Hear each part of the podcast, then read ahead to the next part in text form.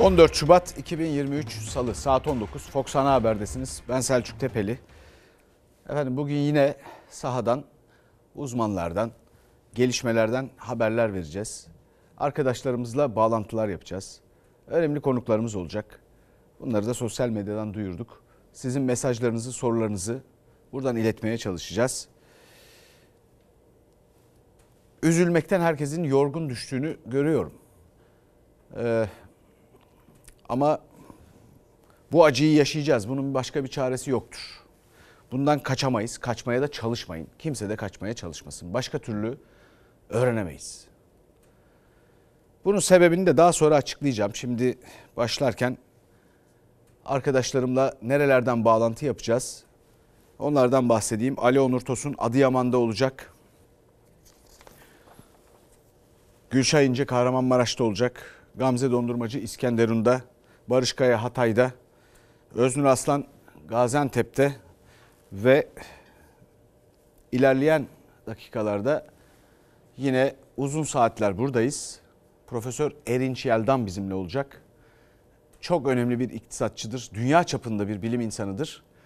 Ve Marmara 99 Marmara depreminden sonra hem sebepleri hem sonuçları konusunda en kapsamlı araştırmaları yapan ekibin başındaydı.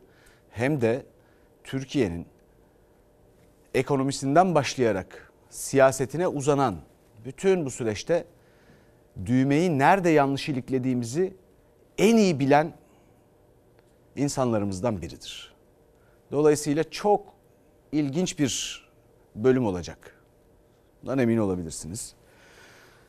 Efendim şimdi bölgeden depremin vurduğu 10 ilimizden milyonları etkileyen bu afetten sonra bugün son duruma bir bakalım bugün neler yaşanmış görelim.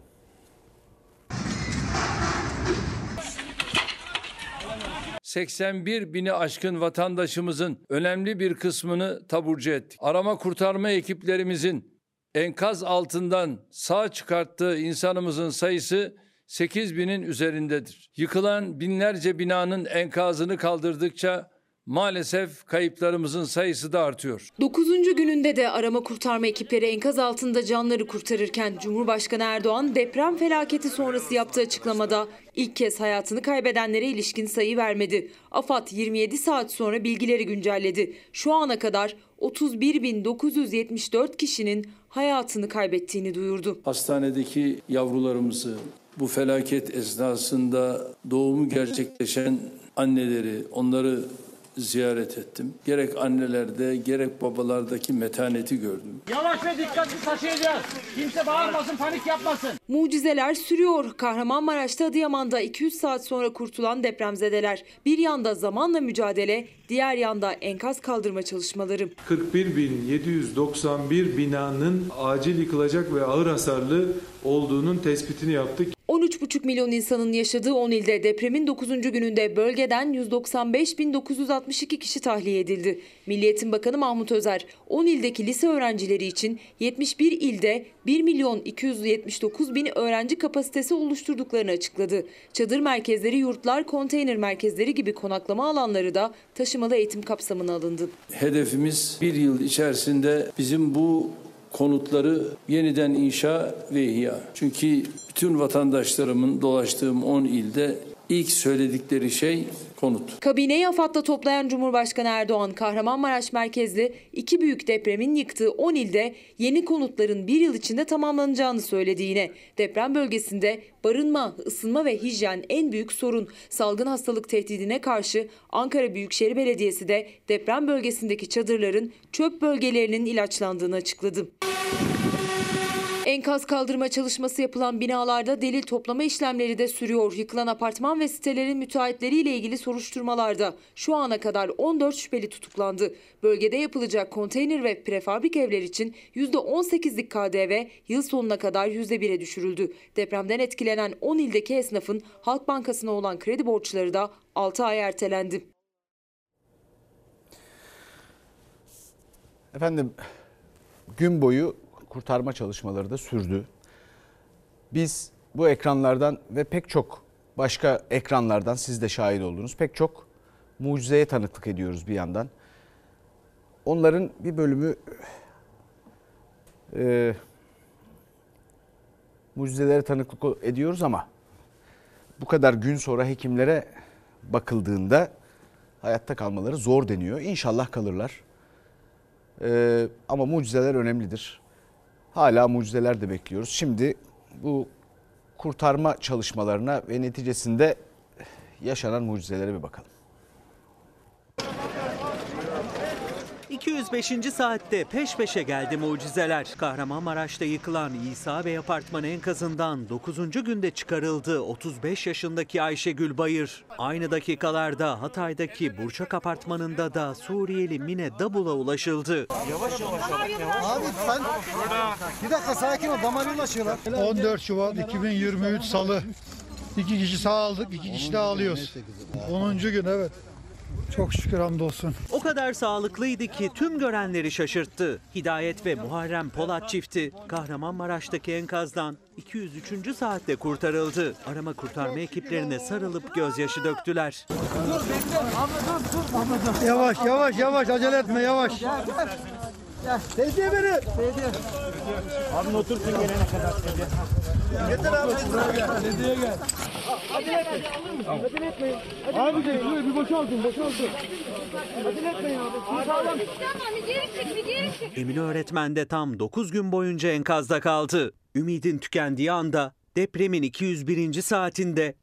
umut hep var dedirtti. Hatay'da Türkiye Taş Kömürü Kurumu madencileri 26 yaşındaki Emine Akgül'ü kurtarmayı başardı. Helal olsun arkadaşlar.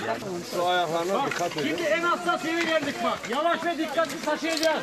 Kimse bağırmasın, panik yapmasın. Emine öğretmeni fark edense enkazı kaldırmak için görevli olan bir kepçe operatörü oldu. Onun sayesinde genç öğretmen sıkıştığı yerden ağır yaralı da olsa çıkartıldı. Kepçeci kardeşimiz öyle bir şey bulunca hemen bulunduğu yerden diğer ekip arkadaşlarıyla birlikte orada herkes yardımcı oldu sağ olsunlar. Hep birlikte enkaz altında kalan kızımızı sedyeye koyduk. Hadi inşallah hadi bakalım. Hadi inşallah. Alacağız seni. Gönder. İçeri doğru gönder. Hamza abi sen de. Al Kadir.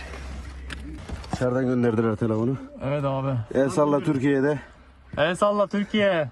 El salla Türkiye. 9 gün sonra çıkıyoruz sağ salim. İnşallah. 198. saatte ise çifte mucize yaşandı. Telefon elden ele enkazın içine taşındı. Kamerası Yeninar kardeşlerin kurtuluş mücadelesini böyle kaydetti. Bağırmayın, ses yok, ses yok. Aç abi, ses yok, aç. Dayısısınız. İkisinin de mi? Evet oğlum yavrum ben şaşırdım ne diyeceğimi bilmiyorum. İki yeğenim sağ salim çıktı. Allah bize bağışladı. Çok şükür olsun. Kahramanmaraş'ta 17 yaşındaki Muhammed Enes Yeninar'la 21 yaşındaki Baki Yeninar o anların ardından nasıl hayatta kaldıklarını da anlattı. Onları hayatta tutan protein tozu oldu. Ama ben dışarıda kaldım, havayı burada almadım. Çok güzel bir hava vardı burada. Nerede? İçeride mi? Aynen. Allah'ın takdirine.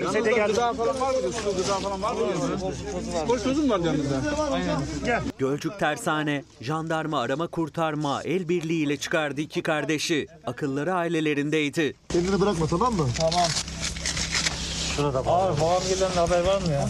Onlar hastanedeleri çıkıyor. Onlar hastaneye götürüyor. Allah razı olsun abi. Allah senin de razı Cümlemizden.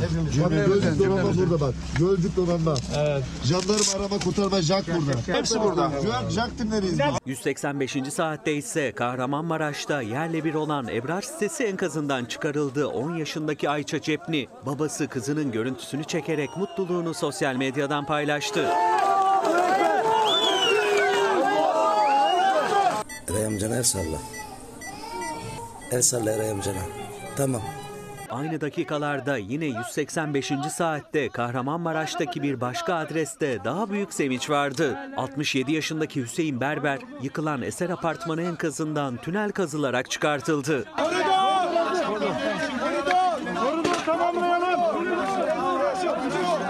Bakın yavaş bir şekilde bağırmayın. Bağırmayın, bağırmayın.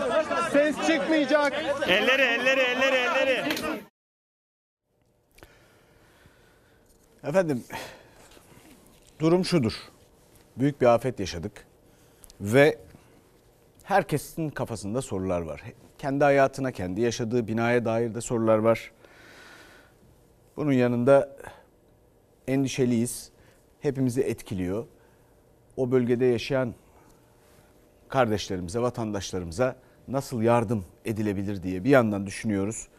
Bir yandan da bütün bunlarla bir daha karşılaşmamak için ne yapılabilir diye düşünüyoruz. Genellikle olaylara yanlış yerden bakılıyor. Biliyorsunuz işte her zaman olduğu gibi televizyonlar e, bir çeşit jeoloji dersine dönüştü. Dolayısıyla buradan bir yere varılabiliyor mu? O tartışılır. Bunun gerçek sebepleri arasında yani sebepleri ve hatta gerçek çözümler arasında nelerden bahsedilebileceğini biz de başından beri burada anlatmaya aktarmaya çalışıyoruz. Elbette faylar tehlikeli ve ülkemiz böyle bir coğrafyada. Ama biz buna önlem almalıydık, alabilirdik. Önlem alındığında pek çok fotoğraf gördünüz, pek çok kareye tanıklık ettiniz. Doğru dürüst yapılan binaların yıkılmadığına şahitsiniz. Demek ki yapılabiliyormuş. Peki neden yapılmadı? Buna her birimiz nasıl katıldık? Bunun neticeleri nedir ve bundan sonra nasıl çözeriz? Bütün bunları konuşmaya devam edeceğiz. Burada hem sağdaki önce şuna bakıyoruz. Biz ne yaşadık? Her gün tekrar ettiğim gibi biz ne yaşadık? Sonra durum nedir? Bu yaşadığımız afetten sonra durum nedir? Sonra sebepler nelerdir? Ardından da çözümler veya çözüm ne olabilir? Böyle bakıyoruz. Buna analitik bakış deniyor. Böyle bakmadığımız sürece bir yere varma ihtimalimiz de yoktur. Sadece üzülerek de bir yere varamayız. Elbette üzüleceğiz. Buna da çare yoktur. Onu da söyleyeyim. Buna da çare yoktur. Üzülmekten yorgun düştüğünüzü görüyorum ama Oscar Wilde diye bir yazar var. Mesela onun De Profundis, De Profundis diye bir kitabı var. Pek kimsenin bilmediği bir kitaptır ve orada şöyle der. Ee, bu De Profundis denen kitap derinlerden, mezarlardan anlamına gelir. Ve orada der ki acı çekmek çok uzun bir andır. Çok uzun bir andır. Onu parçalara ayıramayız, mevsimlere bölemeyiz. Ancak sessizliğini ve neler yaşandığını belki sonra kaydedebiliriz ama ona da ancak geriye döndüğümüzde geriye bakarken yapabiliriz. Buna ancak bu şekilde yaklaşabiliriz. Dolayısıyla bu acıyı yaşayacağız ve öğrenmek zorundayız. Derdimiz budur. Efendim şimdi Adıyaman'a gideceğiz. Adıyaman'da bugün yaşananlara bakacağız, sorunlara bakacağız. Ondan sonra da canlı bağlantımız olacak. Tamam mı? Çek, çek. İki, üç. Çek, çek. Şükrü. Çek. Hadi. Hadi bir daha. Geldi geldi geldi hadi. Cafer. Cafer. Cafer. Cafer korkma bir şey yok. 198. saat bir mucize ve Türkiye için bir rekor direnişin saatidir. Görün ekiplerin birbirine nasıl sarıldığını. Komutanlarımız helal olsun iyi ki varsınız. Şu anda battaniye örtülüyor. Üzerine görüyorsunuzdur. 198 saat sonra evet ekiplerin elinde serum var şu anda. İlk müdahalesi yapılıyor Muhammed'in. Adıyaman'da 198 saat sonra gelen o mucizeye Fox Haber ekibi saniye saniye tanıklık etti. Kara Kuvvetleri Doğal Afetler Arama Kurtarma Ekibi, Zonguldaklı madenciler, Tayvanlı arama kurtarma ekipleri Muhammed Cafer Çetin için seferber oldu. Var güçleriyle çalıştılar. Onu yerin metrelerce altından çıkaran komutan da sevinç gözyaşları döktü. Komutanım, alayım size. Komutanım. Komutanım. Müdüre. Seni biliyor musun? Cafer. Hadi gidelim. Hadi. Hadi sor. Altı katlı Fırat sitesi B blok enkazının en alt katında sabah saatlerinde canlı olduğu bilgisi üzerine çalışma başlattı ekipler. 3 saat aralıksız çalıştılar. Zonguldaklı madenciler domuz damı denilen yöntemle Muhammed'e ulaştı. Son noktaya geldiğinde onu çıkaran askerden su ve et istedi Cafer. Sessiz. Sessiz. Söyle. Balkan. Evet söyle. Kaç gündür burada hemen bilmem. Evet. Yemek. Evet. Var oğlum. Evet. Hepsi burada gel. Yemek. Tamam. Hepsi var, hepsi var. Tamam, hepsi var. Gel. Seni bekliyorum burada ya. Ömer. 198 saat sonra enkazdan çıkarıldığına şahit oluyoruz. Muhammed Cafer Çetin'in bir mucize daha yaşandığına şahit oluyoruz. Hazır mıyız? Şu an. Hadi. Salap. İki. Üç. Aç. Tavanda var mı şey? Ben sana ne dedim? Buradan çıkacağım. Elini gördüm el salladı. El salladı Muhammed Cafer Çetin. Artık onun için yeni bir hayat başlıyor. Ekipleri görüyorsunuz. Ekipleri görüyorsunuz burada. Birbirlerine sarılıyorlar. UMKE ve jandarma arama kurtarma ekipleri de katıldı çalışmalara. Yaşam koridoru oluşturuldu Cafer için ve o yaşam koridorundan gün ışığına çıkarıldı 18 yaşındaki genç. 18 yaşında bir genç 198 saat o karanlıkta yaşam mücadelesi verdi ve şu anda o kör karanlıktan çıkarılıp gün ışığında gün ışığında ambulansa götürüldü. Tedavisi yapılacak. Burada ekiplerin sarıldığını görebileceğiz arkada. Orada tabii ki büyük bir sevinç yaşanıyor. Geçmiş olsun elinize sağlık. İlk olun. konuşan sizdiniz sanıyorum sedyede. Biz zaten her zaman konuştuk komutanımızla beraber. Yani sevinçliyiz. Çıkardık sağ salim. Ne istedi ilk istediğini? Ya ilk istediği bir yemek oldu, et yemeği. Ya biz muhabbet ede de arkadaşımızı aldık. Hep konuşarak kurtardı ekipler Cafer'i. Onu sevenlerine kavuşturdular. Durumu nasıldı peki? Durumu iyi. Yani konuşmasında herhangi bir sıkıntı yok. İlk e, yemek istedi, et yemeği. Mutlusunuz birbirinize Yani yani Tarif hepimiz edebiliyor musunuz? tarif edilecek bir duygu değil. 6 aylık kardeşler vardı. Annesi büyüttü. Bugüne getirdi. Babası olarak. İnşallah Cenab-ı Allah onlar da bize bağışlar. Öyle bir müjde bekliyor. Allah emeği geçen herkese razı olsun. Kim olursa olsun. 10 sene önce babasını kaybetti Muhammed Cafer Çetin. 6 kardeşler, annesi ve 3 kardeşi enkaz altındaydı. Dedesi Halil Çetin ve diğer yakınları bir an olsun ayrılmadı enkazın başından.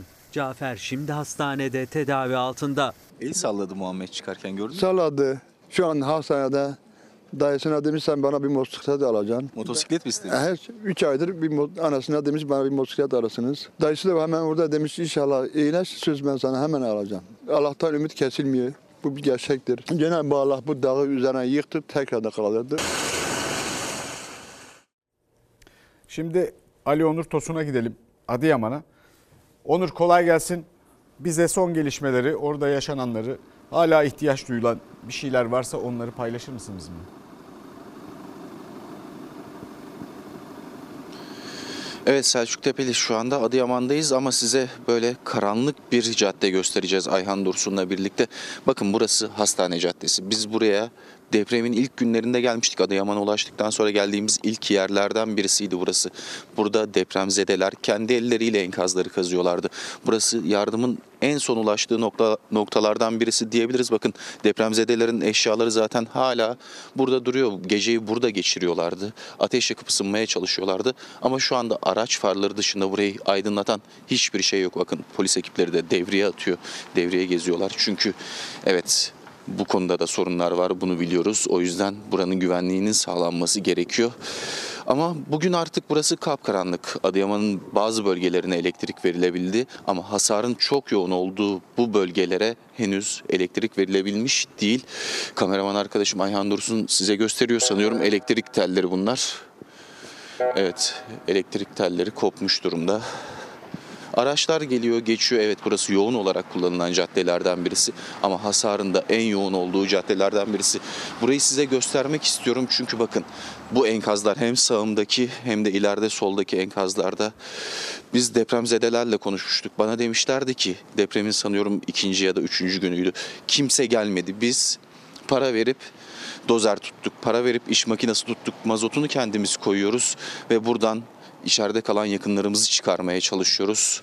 Artık o çalışmalar son buldu. Burası sessizliğe gömüldü. Adıyaman'ın birçok noktasında olduğu gibi burada da aynı şey yaşanıyor. Artık depremzedeler enkaz, enkazların başında değil. Buranın kaldırılması bekleniyor. Enkazın kaldırılması bekleniyor. Cenazelerin kalmadığını düşünüyoruz artık. Burada enkazların içinin boş olduğunu düşünüyoruz. Öyle ümit ediyoruz. Çünkü başka bir şey düşünmek çok acı olacak. Çok zor, yani düşünmek istemiyoruz açıkçası bunu. Gördüğünüz gibi burada bakın yaktıkları variller olabilir, mazot varilleri olabilir. Bir varil görüyorum. Hemen burada kaldıkları yer burada zaten röportaj yapmıştık bakın.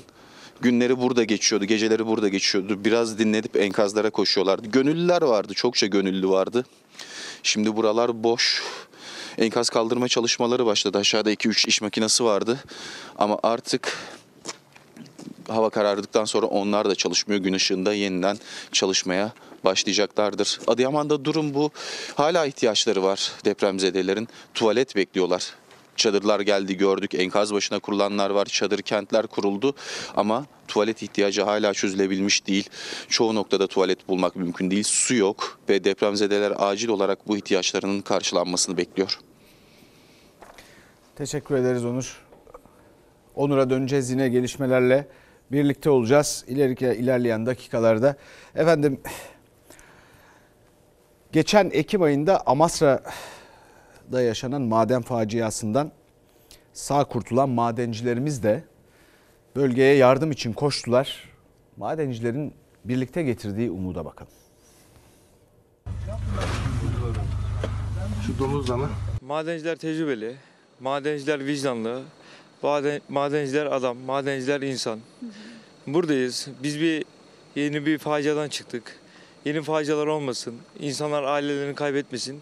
O yüzden buradayız. Biz haberi alır almaz kendi adımızı gönüllü olarak yazdırdık. Uyku uyumadan burada çalışmalara başladık. Buranın atmosferi çok değişik. Buradaki insanlar bizi hep hoşgörüyle karşıladılar.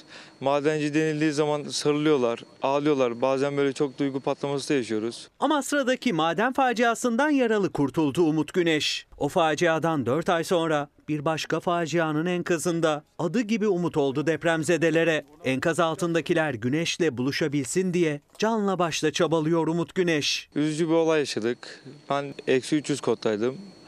E, grizi patlaması oldu. Madencilikte bir kural vardır. Bizde geride adam bırakılmaz. Biz bu yüzden de buradayız. Enkazda kimse kalmasın diye 4,5 yaşındaki çocuğunu hamile eşini geride bırakıp deprem bölgesine koştu. Umut Güneş ve diğer madenciler girilemez denilen her enkazda en önde. Beni de bırakmadılar. Ben de kimseyi bırakmak istemiyorum. Bir tane oğlum var 4,5 yaşında. Allah nasip ederse bir tane daha çocuğum olacak. O duygu ve düşüncelerle buradayız. Beni burada en çok etkileyen küçük çocuklar oldu. Yani onlara zaten insan dayanamıyor. Aydın Apartmanı'nda yaşam koridoru ilerledikçe içeride yaşam var mı yok mu sürekli kontrol ediliyor. Bir kez daha hassas burunlu köpekler içeriye alınacak ama onlar içeriye alınmadan önce görüldüğü üzere madenciler de kova kova içeriden hafriyat çıkarıyor. Domuz tahakkümat sistemini e, kuruyoruz. Yani bu şekilde gidiyoruz yani tehlikeli yerlere. İşverenlerimiz bizi buraya göndermek istemedi. Yıllık izinleri olanlar gitsin, olmayanlar başının çaresine baksın denildi. Depremi duyar duymaz kazma küreklerini kaptıkları gibi deprem bölgesine ulaştı madenciler. Çoğu patronlarının engellemesine rağmen bir an olsun tereddüt etmedi. Çok sayıda canı madenciler kurtardı. Ben ayarlayacağım bu çocuğu çıkaracağım buradan. İçimizde bir umut var yani acaba canlı çıkartabiliriz ya. O umut hiç sönmedi içimizde. Umuda tutunuyor madenciler. Ellerinden geldiğince, güçleri yettiğince depremzedelerin yanında olmaya devam ediyorlar. Bizim için şu anda zor yok. Biz son nefesimize kadar yanlarındayız. Yani bunu bilsinler. Patronlarının izin vermemesine rağmen mi? Gördünüz demek ki onların patronu gibi görünenler patron değilmiş. Demek ki patron madencilermiş. Unutulmaz şeyler yapıyorlar. Unutmayacak bu ülkede elbette. Efendim şimdi enkaz kaldırma ile ilgili bundan iki gün önce ne dediğimi herhalde hatırlayabilirsiniz. Ben hatırlatayım. Cumhurbaşkanı Yardımcısı Fuat Oktay konuşmaları sırasında birkaç kez her birinde ayrı ayrı tekrar ederek hızla enkaz kaldırma çalışmalarına başlanacak diyordu. Hızla enkaz kaldırma çalışmalarına başlanacak. Şimdi bu iş makinelerinin enkazlara girmesi demek. Ben de şöyle demiştim. Bu cümle dikkatimi çekiyor. Şimdi her gün bu ülkedeki pek çok televizyon kanalı, bütün televizyon kanalları mucize haberleri veriyor. Umutla herkes bekliyor. Sağ kurtulabilecek vatandaşlarımızı, insanlarımızı bekliyoruz. Duacıyız. Ve bu umuda ihtiyacı da var herkesin ve herkes bu umudun altını çiziyor. Siyaset de öyle. İktidar da öyle yapıyordu. O gün dedim ki madem bu kadar önemli niye kimse şunu sormuyor? Umutla bekliyoruz madem ve hala sağ kurtulanlar var. Dünyada da enkaz altından sağ çıkma konusunda rekor 266 saat. 266 saat. Güney Kore'de yaşandı.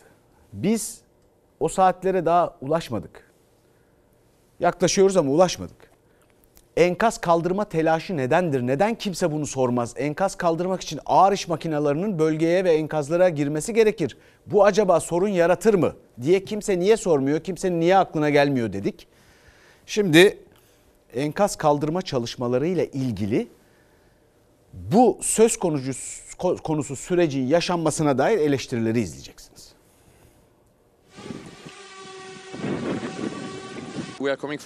Uh, we, we are 14 people with Fransa'dan 14 kişi geldik. Doktor, hemşire ve köpeklerle. Enkazdan canlı çıkarmak için buradayız ve özel bir ekibiz. Çalışıyoruz, başka yere yönlendiriyorlar. Geldiğimizde her şey değişmiş halde buluyoruz. Çalışmak mümkün değil, dönmek zorundayız. Kilometrelerce uzaktan yardıma koştu onlarca yabancı arama kurtarma ekibi. Depremin merkez üssü Kahramanmaraş'a gelen Fransız ekip organizasyon eksikliğinden yakındı. Herkes bir şeyler söylüyor. Konsantre olamıyoruz. Oraya gidiyoruz, buraya gelin diyorlar. Yardım etmek istemediğimden değil ama çalışmak mümkün değil. Fransa'dan gelen arama kurtarma ekibinin başındaki Erik Ziper, enkaz başındaki düzensizliğe dikkat çekti. Sadece onlar da değil. Yabancı ülkelerden desteğe gelen bazı arama kurtarma ekipleri de ülkelerine dönüyor. İspanyol ekip de ülkesine dönerken enkaz kaldırma çalışmalarının umutlar tükenmeden başlamasına tepki gösterdi. Yöneticiler iş makinalarını getirmeye karar verdi. İş makinaları enkaz altındaki kişilerin ölümüne neden olabilir. Biz buna katılmayacağız. Arzumuz arama kurtarma çalışmalarını titizlikle devam ettirip ümidimizi, umudumuzu son ana kadar sürdürmek. Hemen o aşamayı bitirdikten sonra da enkaz e, kaldırma çalışmalarını çok hızlı bir şekilde tamamlamak tabii ki Cumhurbaşkanı Yardımcısı Fuat Oktay enkaz kaldırma çalışmalarının hızlanacağını duyurdu ama depremzedelerin umudu enkaz başında devam ediyor. Acele edilmemesi gerektiğinin en net göstergesi de 9 gün boyunca enkaz altında kalan öğretmen Emine Akgül'ün kurtuluşu oldu. Onu fark eden kepçe operatörü aslında enkazı kaldırmak için oradaydı. Dikkati sayesinde Emine öğretmene ulaşıldı. 201 saat geride kalmıştı ama bir cana ulaşmak için hala geç değildi. Kepçeci bir kardeşimiz böyle bir şey bulunca hemen bulunduğu yerden diğer ekip arkadaşlarıyla birlikte orada herkes yardımcı oldu sağ olsunlar. Hep birlikte enkaz altında kalan kızımızı sedyeye koyduk. Bilinci yerinde. Elinden gelen yok depremzedelerin. Korumaya çalıştıkları umutları moloz yığınlarıyla birlikte toza dumana karışıyor. Bunu yol açmak için bu, bu malzemeyi buraya yığdılar. Yığdılar. Ben şimdi rahat etmiyorum. Ben diyorum tekrar bunu elde geçireceğim. Efendim hadi yabancı kurtarma ekiplerinin dediklerini bir kenara bırakalım. Bundan 2-3 gün önce burada dile getirdik. Hatta birkaç gün arka arkaya dile getirdik. Şimdi bugün yansıyan şu gördüğünüz demeçlerle aynı şeyi söyleyen başkaları da oldu. Ama bir kenara bırakalım. Bakın 201. saat 201. saatte Emine öğretmeni sağ kurtuluyor. Bütün televizyonlarımız mucizeler için duacı sürekli umut veren başlıklar atılıyor ekranlara değil mi? 201. saatte kurtarılan Emine öğretmeni kim fark etmiş? A bir ağır iş makinesinin bir kepçe operatörü fark etmiş. Fark etmeseydi ne olacaktı? Soru budur. Fark etmeseydi ne olacaktı? Ve onun işi bunu fark etmek değil. Enkazı kaldırmak. Enkaz kaldırılması ile ilgili birkaç günden beri özellikle telaşlı cümleler kurulmasının sebebi nedir? Efendim aynı yetkililerin seslerinden bugüne kadar seçim meydanlarında ya da yaptıkları konuşmalarda pek çok duyduğunuz bir sözü size hatırlatmak isterim. İnsanı yaşat ki devlet yaşasın. Şeyh Edebali'ye ait. Şeyh Edebali kim? 13. yüzyıl. Osmanlı'nın kurucu aklı. Osmanlı'nın kurucu aklı. Osmanlı'yı dizi filmlerden öğretmeye çalışıyorlar. Yalan yanlış öğretiyorlar bir de. Bir magazin havasıyla filan bu insanların kurdukları cümlelerin ne manaya geldiğini fark etmeden de sürekli bu cümleleri kullanıyorlar siyasetin içinde. İnsanı yaşat ki devlet yaşasın. Şeyh Edebali. Peki ne demek istiyor orada? Ne demek istediğini anlamadığımız için bu bakış açısı anlamadığı için ne olduğunu söyleyeyim size. Şedid hareketi arz vuku bulmuştur ve zihniyetimiz de ağır mecruhlar arasındadır. Bunu bir kenara yazsınlar yetkililer, karar vericiler. Efendim şimdi benzer bir durumun yaşandığı soruşturmalar efendim işte numuneler alınıyor. Sözde davalar açılacak. Efendim işte müteahhitlerin peşine düşülüyor. Oysa pek çok kişinin de imzası var müteahhide gelene kadar. Denetimden resmi makamlara, görevlilere kadar. Bakacağız bakalım ne olacak. Ebrar apartmanın sitesinin müteahhidiyle ilgili bir haberimiz var şimdi. Detaylara bakalım sonra üstüne konuşacağız. Nasıl bir siteydi burası sizden dinliyorum. Dağınık şunların hepsi aynı müteahhitin. Karşıdaki şu ayakta duranlar şunlar hep aynı müteahhitin. Şu aynı müteahhitin. Aynı müteahhitim. Evet. Tevfik Tepebaşı'nın yaptığı binalar bunlar. Ki sade burası değil. Çarşı merkezde de Tevfik Tepebaşı'nın yaptığı binalar var. Onlar da enkaz altında. Tarif edilecek bir şey değil. Çok acı bir şey bu. Bilgi verilmedi ve de daha yakalanmadı. Çok şükür onunla, o kayıp. Bulunmuyor. Kaç parayı da ara- arada Allah bilir. Hepsini tek bir kişi mi yapmış? Evet. 24 tane daire var. 22'si yıkılık, ikisi ayakta. İkisi de yani öyle sağlam bir şey değil. Buradan tut böyle komple hemen hemen Ebrar sitesi. Kahramanmaraş'ın merkezinde A'dan Z'ye isimlendirilmiş bloklardan oluşan her biri 10 katlı Ebrar sitesinin neredeyse tüm binaları yıkıldı. Müteahhit Tevfik Tepebaşı ise arkasında koca bir enkaz yığını ve acı bırakarak kayıplara karıştı. Molozların altında kalan site sakinlerini kurtarma çalışmaları sürüyor. Bakın bir tane devlet kepçesi var. Geri kalanın hepsi şahsi. Bakın 9 günden beri bu bina böyle bekliyor. 5 kişi vardı. Üçünün cenazesini bizim yakınlarımız elleriyle çıkardı. Amcamız, kuzenlerimiz, kardeşim elleriyle çıkardılar. Annem 24 saat yaşamış, kimse gelmemiş yardıma. İlk gün bir sürü ses geliyordu.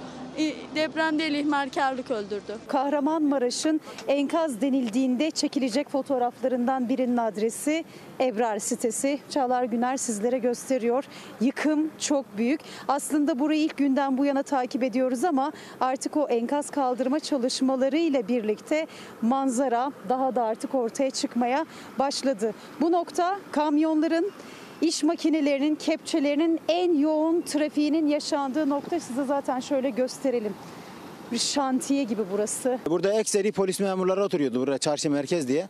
Yazık oldu insanlara ya. Bir kentsel dönüşüm çalışması yapılmış ama işte e, o kentsel dönüşüm çalışması yapıldıktan sonra yine binalar dikilmeye devam edilmiş. Asıl dönüşüme girmesi gereken eski bir siteden bahsediyoruz. Ebrar sitesinde asıl dönüşüme girmesi gereken bu site çok bloklu A'dan Z'ye blokları olan bu site dönüşüme girmemiş. Kentsel dönüşüme girmesi gereken Ebrar sitesi yıkılmadı. Onlarca kişiye mezar oldu. Müteahhidi ise ortada yok. Herkesin canı yandıktan sonra ya o yakalanmış ne olacak ki?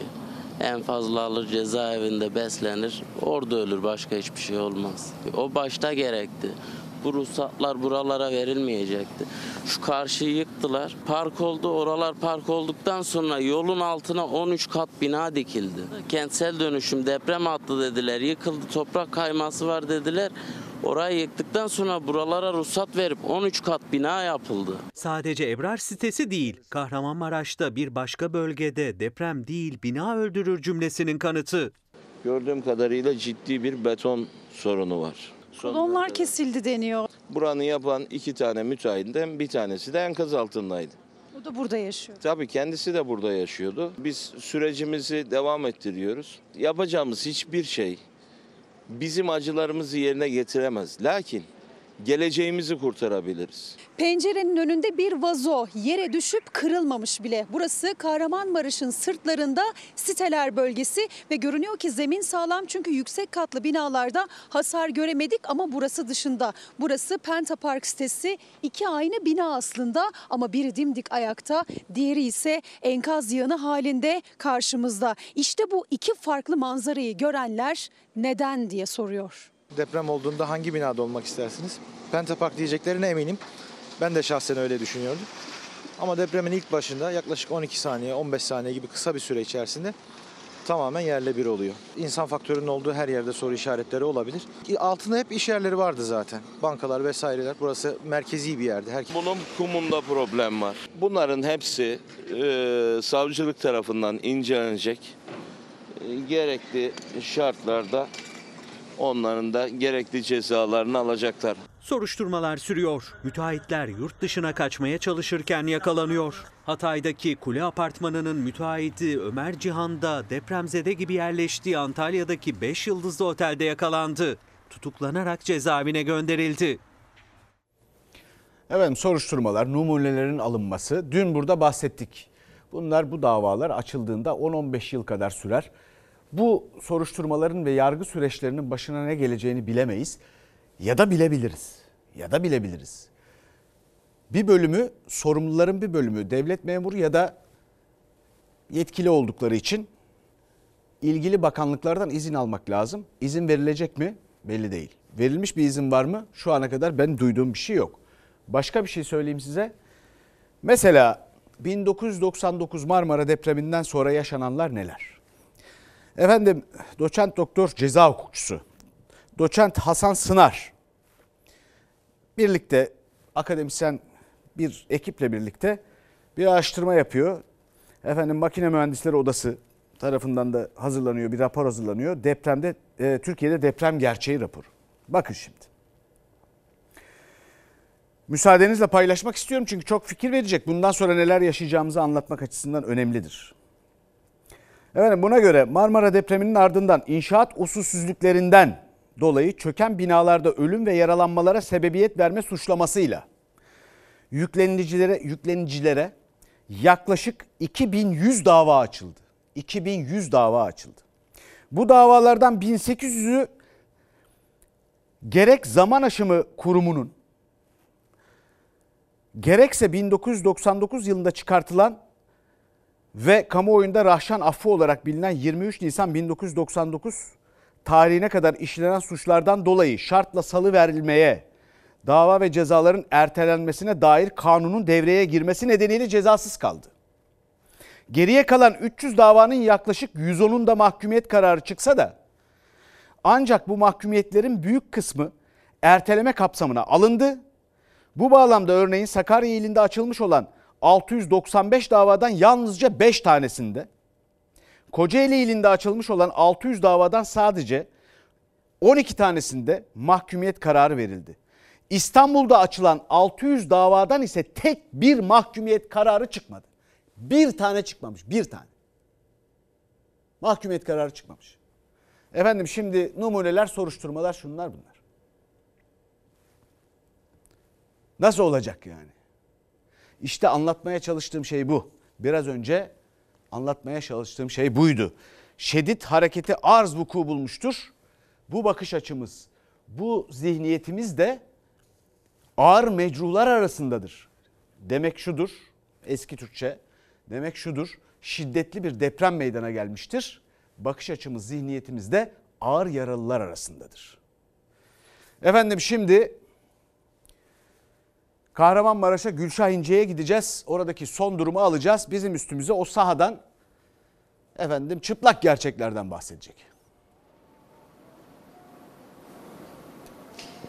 Selçuk Tepeli dün ve ondan önceki gün yayın yaptığım noktadayım aslında. Aydın Apartmanı'nın önündeyim daha doğrusu arkasındayım. Dün aktarmıştık. Aydın Apartmanı'na ekipler iki gün boyunca gece gündüz uyku demeden girmeye çalışmışlardı. Önce arka taraftan madenciler girmeye çalıştı ama karşılarına çıkan duvar onların önünü kesmişti. Enkaz daha da aşağı çökeceği için riske atmamışlardı. Hemen arka taraftan da Aydın Apartmanı'nın sırtındaki şu üç katlı binanın içinden girmeye çalışmışlardı sırttan ama oradaki çalışmalarda çok uzun sürdü ve saatler boyunca biz burada umut dolu bir haber vermeyi umut ediyorduk ama şimdi görüyoruz ki çalışmalar durdu. Beklenen o umutlu haber ne yazık ki verilemedi bizlere ve artık enkaz kaldırma çalışmalarının da başladığını görüyoruz. Hemen arkada Aydın Apartmanı'nda cenazeler de ailelere teslim edilmeye başlanmıştı. Çünkü Aydın Apartmanı'nda burada kurtarma çalışması olması nedeniyle inşaat iş makineleri durdurulmuştu ve içeride cenazelerini almayı bekleyen aileler de yaklaşık 3 gün boyunca işte onlar da aslında umut dolu haberi beklemişlerdi. Cenazelerini bu yüzden bekletmişlerdi enkazda. Şimdi o enkazdan e, cenazeler de ailelerine teslim edilmeye başlandı. Şu an Çağlar Güner size gösteriyor son durumu. İtfaiye ekiplerinin o binaya girdiğini görüyoruz. Tabii enkaz kaldırma çalışmaları yapılmadan önce bir ısı kamerası yine e, tedbiren e, getiriliyor. O ısı kamerasıyla termal kamerayla içeride bir ısı var mı yok mu yine onun kontrolü yapılıyor. İtfaiye ekipleri de şimdi o kontrolü yapıyorlar. Yine bir ısı alınmazsa da enkaz kaldırma çalışmasına başlanacak. Tabii buradan umut dolu haberi veremedik sizlere ama umut hiç bitmiyor, tükenmiyor. Biz buradan umut dolu haberi vermeyi beklerken hemen karşısında başka bir enkaz var. Burası bir oteldi. Otelin arka tarafında bir bina. Şu an zaten ışıkları görüyorsunuzdur. İş makineleri orada çalışıyor. Oradan 37 yaşında bir kadının sağ çıkarıldığı haberini aldık. Hiç beklemediğimiz bir noktadan, beklemediğimiz bir zamanda. Şimdi şöyle hızlıca devam edelim. Dün burada Aydın Apartmanı'nın önünde pek çok medya kuruluşu, gazeteciler biz umut dolu haberi sizlere vermeyi planlarken olmadı dedik. Peki bu sefer kameralar nereye yönlendi? Şimdi onu göstereceğim size ama yol boyunca Çağlar Güner de şu tabloyu sizlere göstersin. Aydın Apartmanı'ndan 6 bina ileriye doğru gidiyoruz. 6 bina yan yana, 6 apartman. Görüyorsunuz hepsi enkaz halinde. Yan yana 6 koca apartman çökmüş ve enkaz haline gelmiş. İş makineleri de artık o enkazları yavaş yavaş azaltmaya başlamış. Dün daha fazlaydı. Ondan önceki gün daha yüksek bir enkaz tepesi vardı burada. Günden güne, günden güne o enkaz azalıyor. Şimdi geldiğimiz nokta Seçkinler Apartmanı'na doğru gidiyoruz. Şöyle ilerleyelim. Görüyorsunuz bütün ekipler burada. Ambulanslar hazır bekliyor. Hem sağımda hem solumda ambulanslar var. İş makinelerini görüyorsunuz. Işıklar yakıldı. Askerler, itfaiye ekipleri, yabancı ekipler işte bu noktada Seçkinler Apartmanı'nda çalışmalarını hızlandırdı ve Artık buradan da umutlu bir haber bekleniyor. İçeride 3 kişinin olduğu söyleniyor. 3 kardeş olma ihtimali var. Ama tabii tam bu noktadan biz gün boyunca gelişmeleri aktarmaya çalışırken aileler geldi yanımıza ve dediler ki yayın yaparken bizleri de düşünün olur mu diye. Çünkü çok sayıda aile var burada. Bu enkaz altında ki Seçkinler Apartmanı burası ama yanında iki apartman daha var. Şu aradan Çağlar göstersin size. Bakın ekipler yine yine bir umut arıyor. Yine bir enkaz kaldırma çalışmaları başladı ama yine aşağıda bir can var mı, bir hayat var mı, bir nefes var mı? Onların da kontrolleri yapılıyor elbette. İş makineleri girmeden önce termal kameralarla ölçümler yapılıyor. Ondan sonra da işte çalışmalar hızlanıyor. Pek çok aile var burada. Dediğimiz gibi onlar içeriden gelecek umut dolu haberi bekliyorlar ama kim için, hangi aile için gelecek ya da artık çok kritik saatlere de girdik. Bu kritik saatler sonucunda işte Aydın Apartmanı'nda mesela beklemiştik ama bir türlü gelmedi o umut dolu haber. Burası için de gelecek mi, gelmeyecek mi? Tabii ki gelişmeleri aktaracağız ama aileler özellikle rica etti. Haber verirken bizleri de düşünün. Çünkü onlar artık 9 gün oldu. Gece gündüz uykusuz burada bu enkazın başında bekliyorlar. Onların e, şimdi her gün soruyoruz ihtiyacınız nedir diye.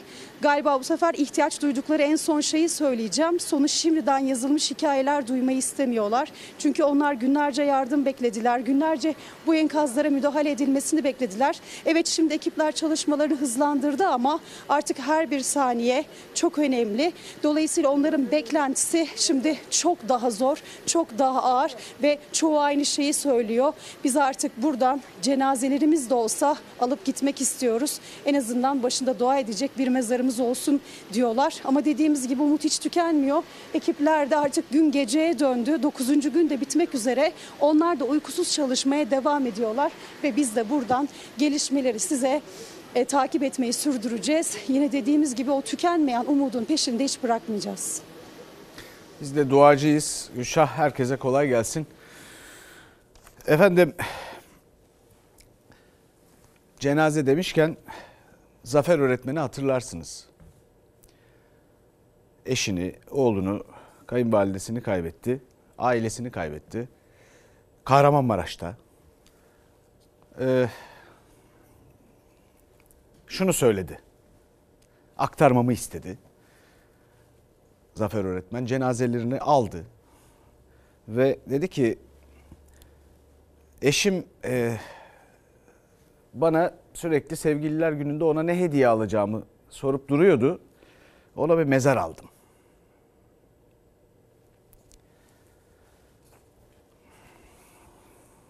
Efendim şimdi hangi haberdeyiz arkadaşlar? Ee, kayıplarını hala arayan değerli insanlarımız var. 70 yaşındaki Rabia Karadoruk kayıp. Enkazda mı, çıkarıldı mı, gözü yaşlı eşi ve oğlu aramaya devam ediyor. Annem. Bu odada yatıyordum. Dükkanları üstü. O koştu buradan bağırdı, ben orada bağırdım. O zamana kadar ev sallamayla kapıların arkasına tuğlalar, pirketler doldu. Birbirimizi göremedik. Ev ceyran kesildi karanlıkta. Benim eşim Rabia Karadoruk, benim ismim de Veli Karadoruk. Hani devlet belki belki de hastanelerde bir bulurlar isimsiz. Bir araştırsalar hanımın ismi Rabia Karadoruk. Uyumuyorum. Hiç ben uyku görmüyorum. Neden ki buraya aklıma gelince ben rahat etmiyorum.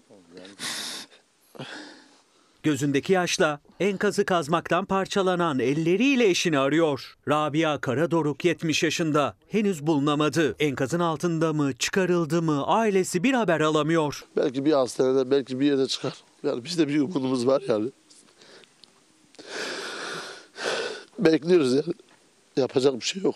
Her yeri aradım yani. Her yere baktınız mı? Hep baktılar, aktardılar. Dün, dün bunu yol açmak için bu, bu malzemeyi buraya yığdılar. Yığdılar. Ben şimdi rahat etmiyorum ben. Kahramanmaraş'ta 4 katlı binada yaşayan Karadoruk ailesinden Veli Karadoruk enkaz altından çıktı. Eşi Rabia Karadoruk'u ise en son deprem anında gördü. O günden bu yana bulunamadı. Enkazdan da çıkmadı. Bir, birkaç saat sonra geldiler. E, Bir delik böyle deldiler betondan. Cihaz tuttular şuraya buraya yok dediler burada bir şey yok. Çekti gittiler. O zaman belki 2-3 kat betonu delsalardı. İtfaiyeciler demiş ki bir tane burada aldık. Ama bilmiyor bizim bu bina mıydı? Daha ileride bir tane var aynı sırada 3 bina. Şimdi karıştırdık yok. Makine de geldi. Baktılar. Şey, içeriye, içeriye cihazı tuttular. Bilmem ne ettiler. Dediler ses yok öyle bıraktı gittiler. İkinci bir komşumuz var bir bayan hemen enkazın bitişinde. O bayan diyor ki biz diyor aşağı indik diyor. Kaçacağız diyor. Binalar sallanıyor diyor. Ben diyor Roy teyzenin diyor sesini duyuyorum diyor. Yerini bile gösterdi bize. Biz tabii ki o ikinci gün aradık taradık yok. Diyor ses geldi iyi biliyorum diyor. Roy teyzeyle konuştuk diyor. Biz diyor çektik gittik diyor. Enkaz altında mı dışarıda mı olduğunu bilemiyor ailesi. Her yerde aranıyor 70 yaşındaki Rabia Karadoruk. Onlar da parayla özel kepçe tutan aileler arasında. Kepçe tutmuşuz şu an. Kendi imkanlarınız. Kendi imkanlarımızla tuttuk ya. Geçenler Ne kadar verdiniz? 1000 TL dedi saatine. 800 liraya anlaştık. Mecbur ya yapacak bir şeyimiz yok. En azından diyebilirim yani annemiz burada yatıyor. Yani. Efendim yine ceza hukuku alanında çalışan doçent Hasan Sınar'ın bununla ilgili de yani bundan sonra yapılmasına ilişkin birlikte çalıştığı akademisyenlerle beraber 5 maddelik bir önerisi var. Hakimler ve Savcılar Kurulu tarafından salt bu işe özgü özel bir savcılık birimi oluşturulmalı. Ve bu birim derhal harekete geçerek delil araştırması kapsamında yıkılan veya hasar gören her binadan karşılaştırmalı analize imkan verecek çok katmanlı örnekler toplamalı. 99'da bu hemen hiç yapılmadı. Yıkılan binalarda iş makineleriyle enkaz kaldırma ve hafriyat işlemine başlanması için bu özel savcılık biriminin izin vermesi koşulu getirilmeli. Deliller tümüyle toplanıp muhafaza altına alınmadan hiçbir binada asla hafriyat yapılmamalı. Deliller yok olunca maddi gerçeğe de ulaşılamıyor. Üçüncü madde delil araştırılması kapsamında toplanan tüm inşaat örneklerinin korunaklı bir kapalı alanda gecikmeksizin ayrıştırılması, sınıflandırılması ve belgelenmesi işlemi gerçekleştirilmeli. Bu işlem mutlaka yetkili yetkin olay yeri inceleme birimlerince yapılmalı. 4. Bu şekilde muhafaza altına alınan delillerin incelenmesi için adli tıp bünyesinde özel bir resmi bilirkişilik birimi hayata geçirilmeli. 99 depreminde dosyaların büyük ölçüde zaman aşımına uğramasında bitmek bilmeyen bilirkişi incelemelerinin payı çok büyüktü.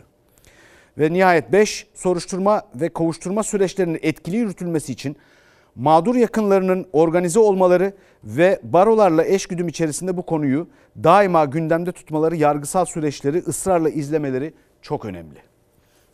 Efendim insanı yaşat ki devlet yaşasın. Şeyh Edebali.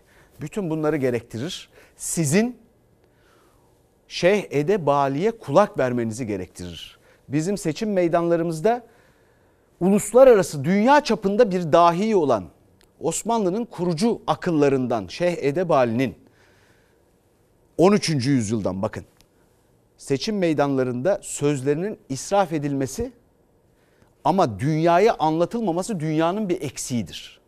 Bizim anlamamız lazım. Dolayısıyla insanı yaşat ki devlet yaşasın şimdi hatırlanması gereken bir şeydir. Ama en çok telaffuz edenlerden şimdi hiç duymuyoruz. 30 32 bine yakın insanımız resmi rakamlara göre hayatını kaybetti. İnsanı yaşat ki devlet yaşasın. Tekrar ediyorum 32 bine yakın değerli insanımız hayatını kaybetti. İnsanı yaşat ki devlet yaşasın. Tekrar ediyorum 32 bine yakın resmi rakamlarla insanımız hayatını kaybetti. Efendim şimdi Türk Silahlı Kuvvetleri'nin Bayraktar gemisine gidiyoruz İskenderun'a ve oradaki çalışmaları izleyelim. Bayraktar Gül. Bayraktar Gül. Göbekli. Dikkat! Açıkbaş kızı dünyaya gelmiştir. TCG Bayraktar ailesi olarak Açıkbaş ailesine tebrik eder, kızımızın bahtının açık olması dileriz. Yüzleri güldüren bu anonsla askeri savaş gemisinde gözlerini dünyaya açtı Hatice Deniz. İskenderun limanına demirleyerek Sahra Hastanesi olarak hizmet vermeye başlayan Bayraktar gemisinde göbek adı Bayraktar Gül olarak hayata merhaba dedi. Fox Haber bir ilke tanıklık etti. Gözünüz aydın. Sağ olun, teşekkür ederiz. Şimdi çok böyle zor bir gün, bir dönem geçirdiniz aslında. O dönemin hemen ardından da böyle yüzünüzü güldüren Evet, çok bir güzel gelişme mutluluk oldu. oldu bizim için. Şu anda tarifi bile yok. Şimdi kız bebeğiniz oldu. Evet, bir oğlumuzdan sonra bir de kızımız oldu. Çok şükür. Sağ olun. Göbek adını koydunuz galiba. Ne oldu göbek? Bayraktar Gül. Gemimizde doğduğundan dolayı Hatay'da bir tarafta hüzün ve acı yaşanırken bir tarafta da yeni bir doğum, yeni bir bebek dünyaya geldi. Üstelik ilk kez Türkiye'de dünya tarihinde ilk kez askeri gemide bir bebek doğmuş oldu. Açıkbaş ailesinin bebeği.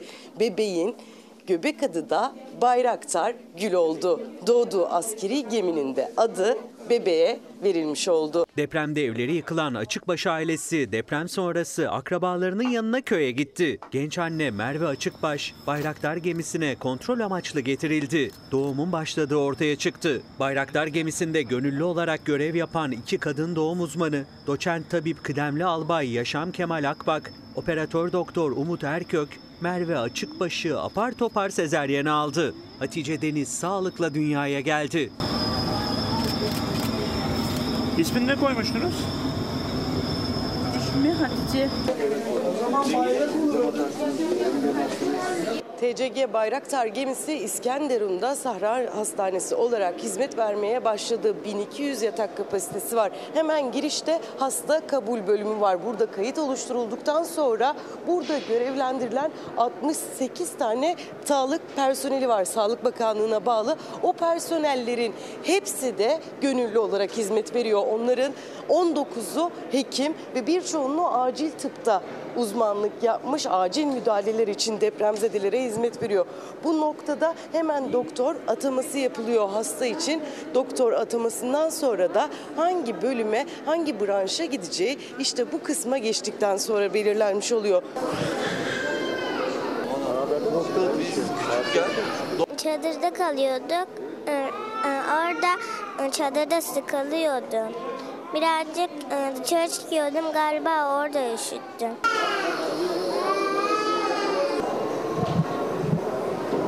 Ciğerlerimde enfeksiyon çıktı. Boğaz şiştiği için gelmiştim. Ondan dolayı iki tane serum yapıldı. Nerede kalıyorsun?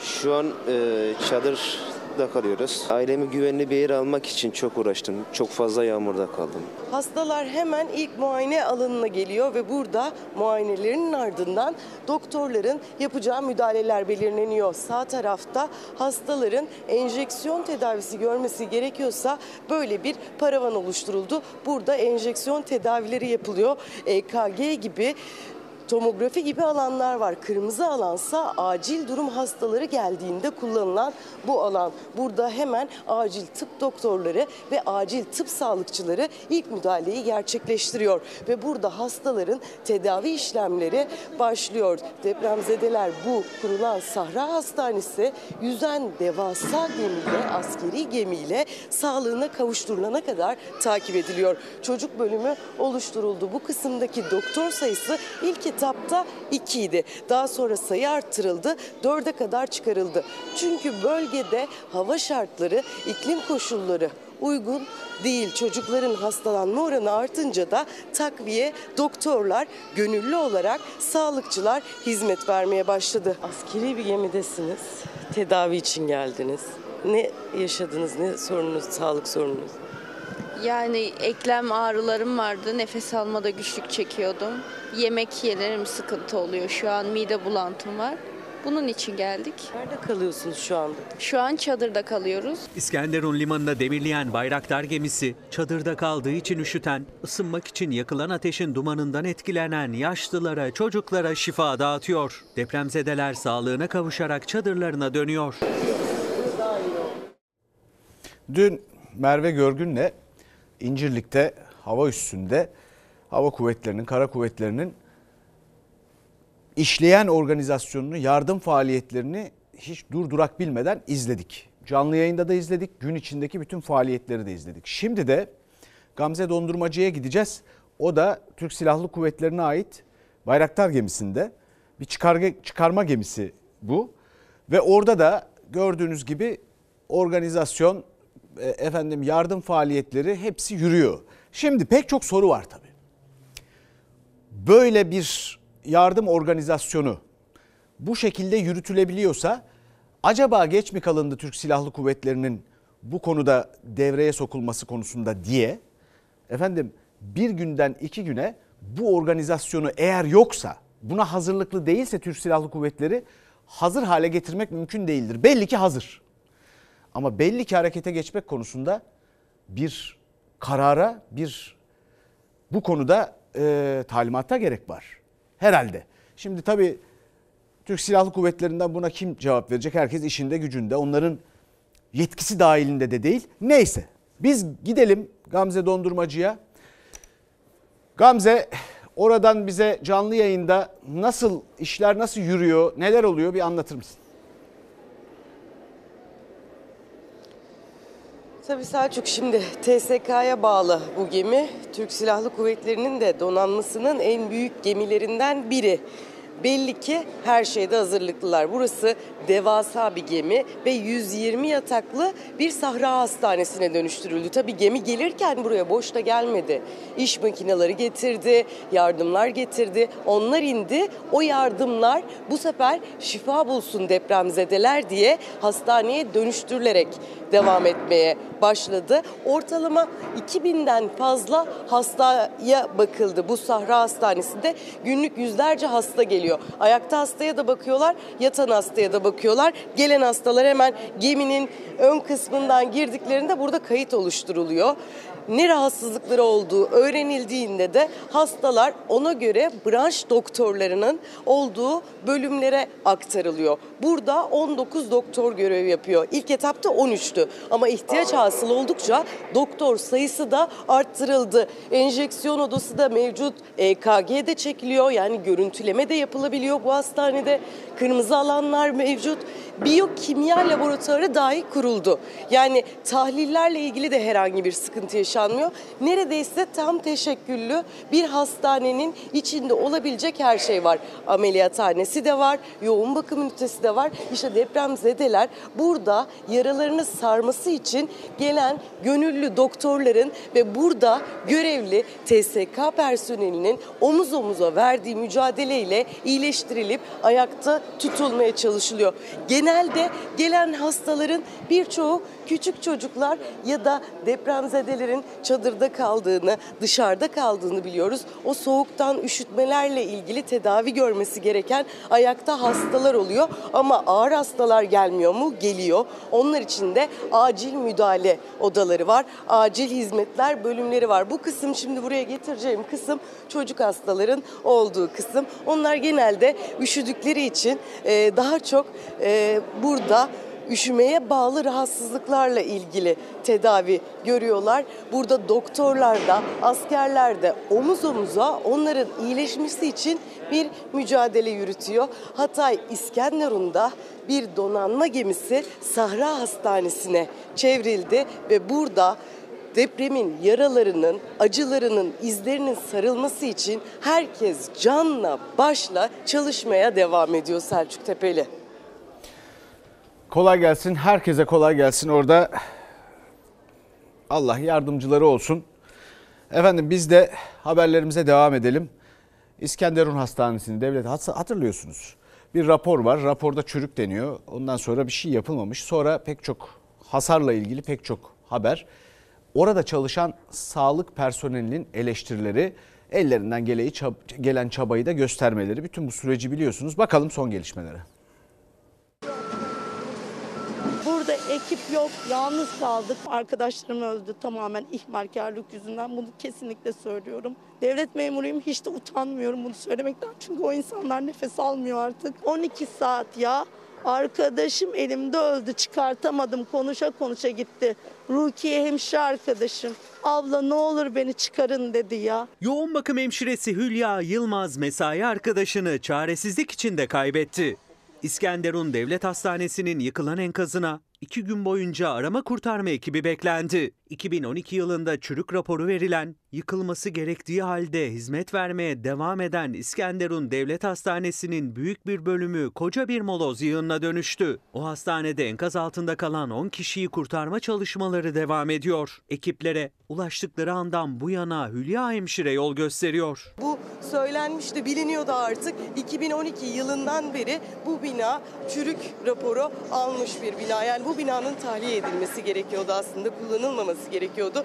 2012 yılından bu yana e, o görüntüde, o fotoğrafta şu görünüyor ki bina e, da oluşan e, sızdırmalar sonunda yağmur suyu sızmaya başladığı için binanın üstüne sürekli ekleme yapılmış, sürekli ağırlık bindirilmiş. Mesai arkadaşını bekleyen hemşireler e, bize 3-4 ay önce eğitim verdiler dedi. 3-4 ay önce bu bina çürük, deprem olduğu zaman bu binadan tahliye olmak için bu yoğun bakım bölümünden onkoloji bölümüne kaçacaksınız diye bize e, aralıklarla eğitim veriliyordu. Taşınacak yeni yer projeleri var deniyordu. Sonra TOKİ dendi. Sonra Covid girdi araya. Ben 2012 yılından beri buradayım.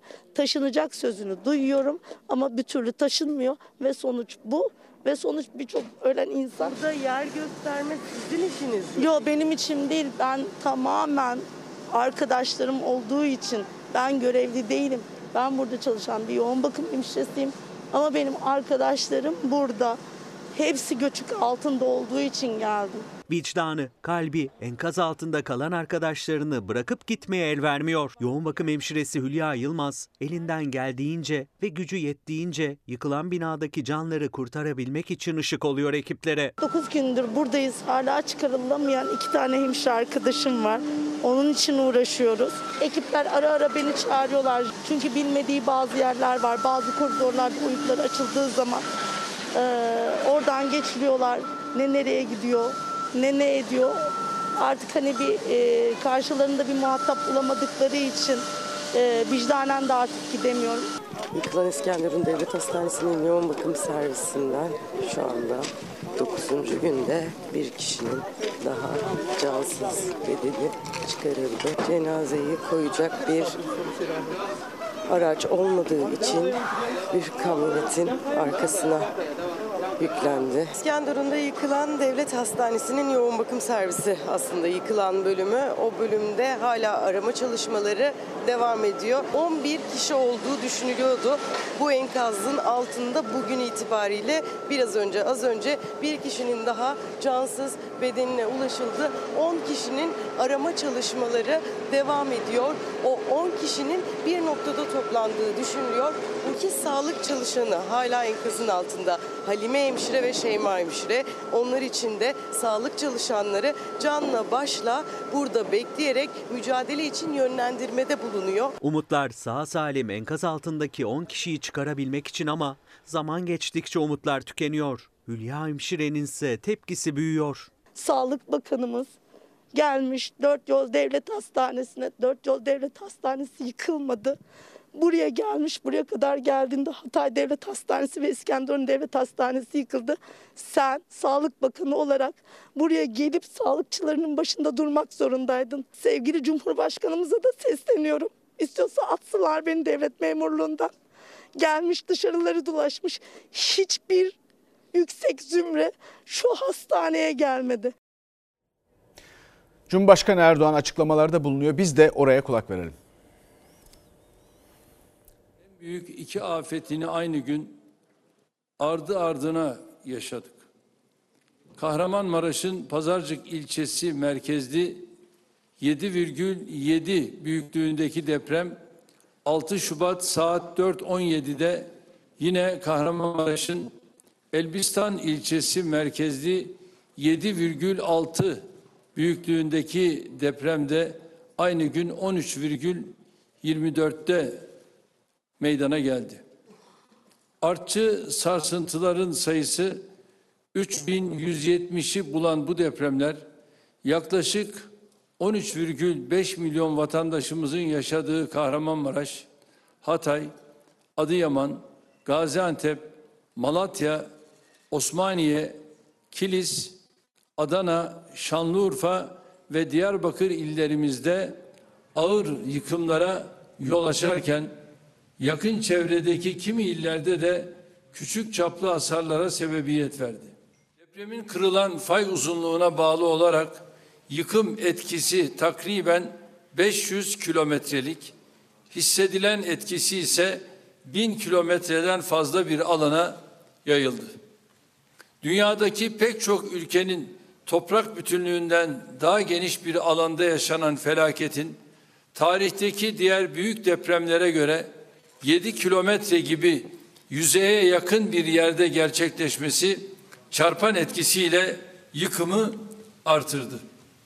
Ardı ardına yaşanan bu depremler en güçlü atom bombalarının yüzlercesine denk büyüklükte bir enerji ortaya çıkardı. Dünyadaki büyük depremlerin çoğu okyanuslarda gerçekleşip karaları etkilerken Kahramanmaraş depremleri doğrudan yerleşim yerlerimizin altında yaşandı. Nitekim dünyadaki uzmanların tamamının da ittifakıyla Kahramanmaraş depremleri büyüklüğü, yıkıcılığı ve ardı ardına yaşanmasıyla istisnai bir tabiat olayı olarak değerlendiriliyor. Ülkemiz topraklarında güneye doğru 3 metrelik kaymaya yol açan böylesine büyük bir deprem ciddi can kayıplarını da beraberinde getirdi. Depremde hayatını kaybeden 35.418 vatandaşımın her birine ayrı ayrı Cenab-ı Allah'tan rahmet, yakınlarına ve milletimize başsağlığı diliyorum. Yıkıntıların arasından kurtulan veya arama kurtarma ekipleri tarafından kurtarılan 105.505 yaralımıza Rabbimden acil şifalar niyaz ediyorum. Yaralılarımızdan 13.208'i halen hastanelerimizde tedavi altındadır. Dünya deprem tarihinde bile eşine az rastlanır büyüklükteki iki afetin üst üste yaşanması maalesef karşımızdaki tabloyu daha da ağırlaştırdı. İlk depremde hasar gören binaların bir kısmı ikinci depremde tamamen çöktü. Enkaz haline gelen 19 bini aşkın binadan 15 bininin müdahalesi tamamlandı. Şu ana kadar deprem bölgesindeki yaklaşık 369 bin binadaki 1 milyon 850 bin ev ve iş yeri Çevre ve Şehircilik İklim Değişikliği Bakanlığı ekipleri tarafından incelendi.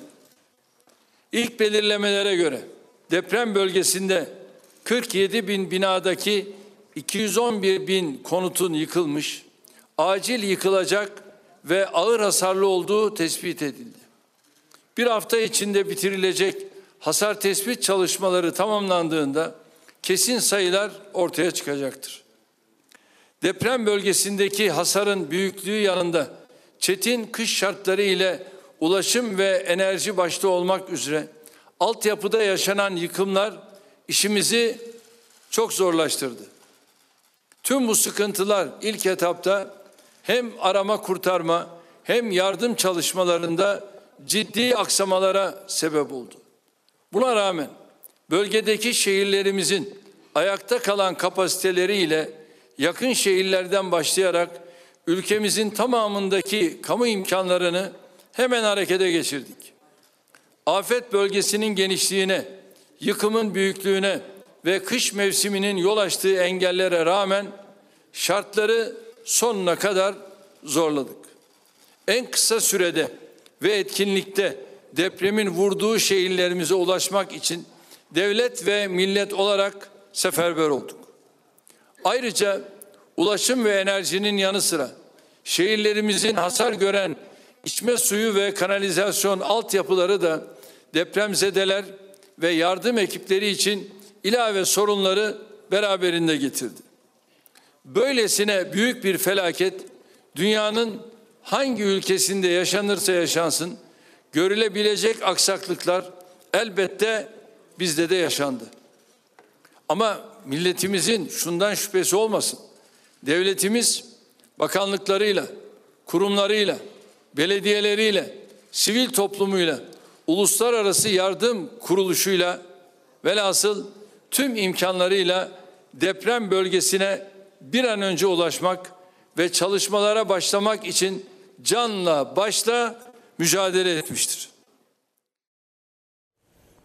Efendim bu açıklamalardan buraya ulaşacak bilgileri aynı zamanda aktaracağız. Can kaybımız 35.418 olarak açıklandı. 105.505 yaralı, 13.208'i hastanelerde. 19.000'den fazla enkaz haline gelen bina, 47.000'den fazla bina ve 200.000'den fazla o binalardaki konutlar e, yıkılmış durumda diye anlıyoruz. Ve 809 bin binada incelenmiş. Bununla ilgili bir haberimiz de var. Birkaç gün içinde 809 bin binada incelemenin nasıl yapıldığını doğrusu bir yandan da merak ediyoruz. Bu kadar hızlı yapılabiliyorsa bundan önce bakacağız. Haberlere geleceğiz. Efendim şimdi bu afetten sonra Cumhurbaşkanı Erdoğan'ın söylediği gibi jeoloji tarihine geçmiş bu afetten sonra eşine az rastlanır büyüklükteki bu depremlerden sonra bazı sesler, bazı yüzler bizim hafızamıza kazındı. Bunlar arasında ünlü futbolcularımız da var. Dün e, Gökhan Zan bizimle birlikteydi. Aynı zamanda Volkan Demirel Fenerbahçe'nin efsane kalecisi. Gökhan Zan da Galatasaray'ın defans oyuncusuydu bir dönem. Beşiktaş'ta da oynadı. Milli futbolcularımız. E, şimdi bakalım onların çabasına, onların sözlerine.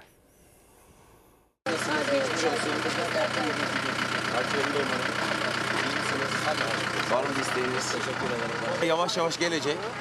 Geldiği zaman her şeyi yapacağız. Merak etmeyin yanınızdayız. 8 gündür açıktayız böyle 15 kişi kalıyoruz ya. Vermediler, çadır vermediler bize. Günlerce yaşadığı şehrin Hatay'ın sesi olmaya çalıştığı Hatay Spor yardımcı antrenörü Gökhan Zan, çadıra ulaşamayan depremzedeler için çadır dağıttı, onların yardımına koştu. Engelli ve bu şekilde yaşıyorlar şu anda. Ve biz hani ben de bu mahalleyi de tek tek ve buradaki insanları da tanıdığım için mahalle mahalle aile aile elimizden geldiğince gerçekten ulaşmaya çalışıyorum. Kendi imkanlarıyla kendi çadırlarını kuruyorlar bakın.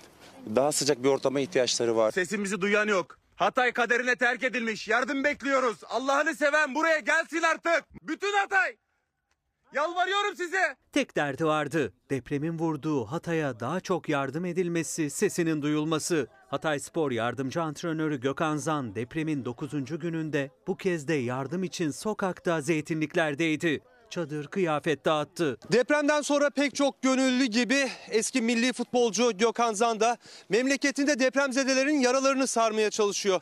Çadır ihtiyacı olanlara çadır, kıyafet ihtiyacı olanlara kıyafet dağıtıyor. Büyük travma yaşamış bir yerdeyiz ve arkasından hani onların huzurunu kavuşturana kadar onların yanında olmak zorundayız. Hani ortam çoğu yerde bu şekilde maalesef. Hani bu insanlar kamp yerine gidemezler. Herkes diyor ki gitsinler. Nasıl gitsin? Düşen ne göre varsa var, çok acı bir gücüm şekilde. ne kadar yeterse yanınızda olmaya çalışıyorum. Görüş- Çadır aileleri kıyafet yardımı ise üşüyen depremzede çocukları çok mutlu etti. Söyle teşekkür ederim. Söyle teşekkür. Rica ederim. Yapamıyoruz lütfen. Yardım. Yardım.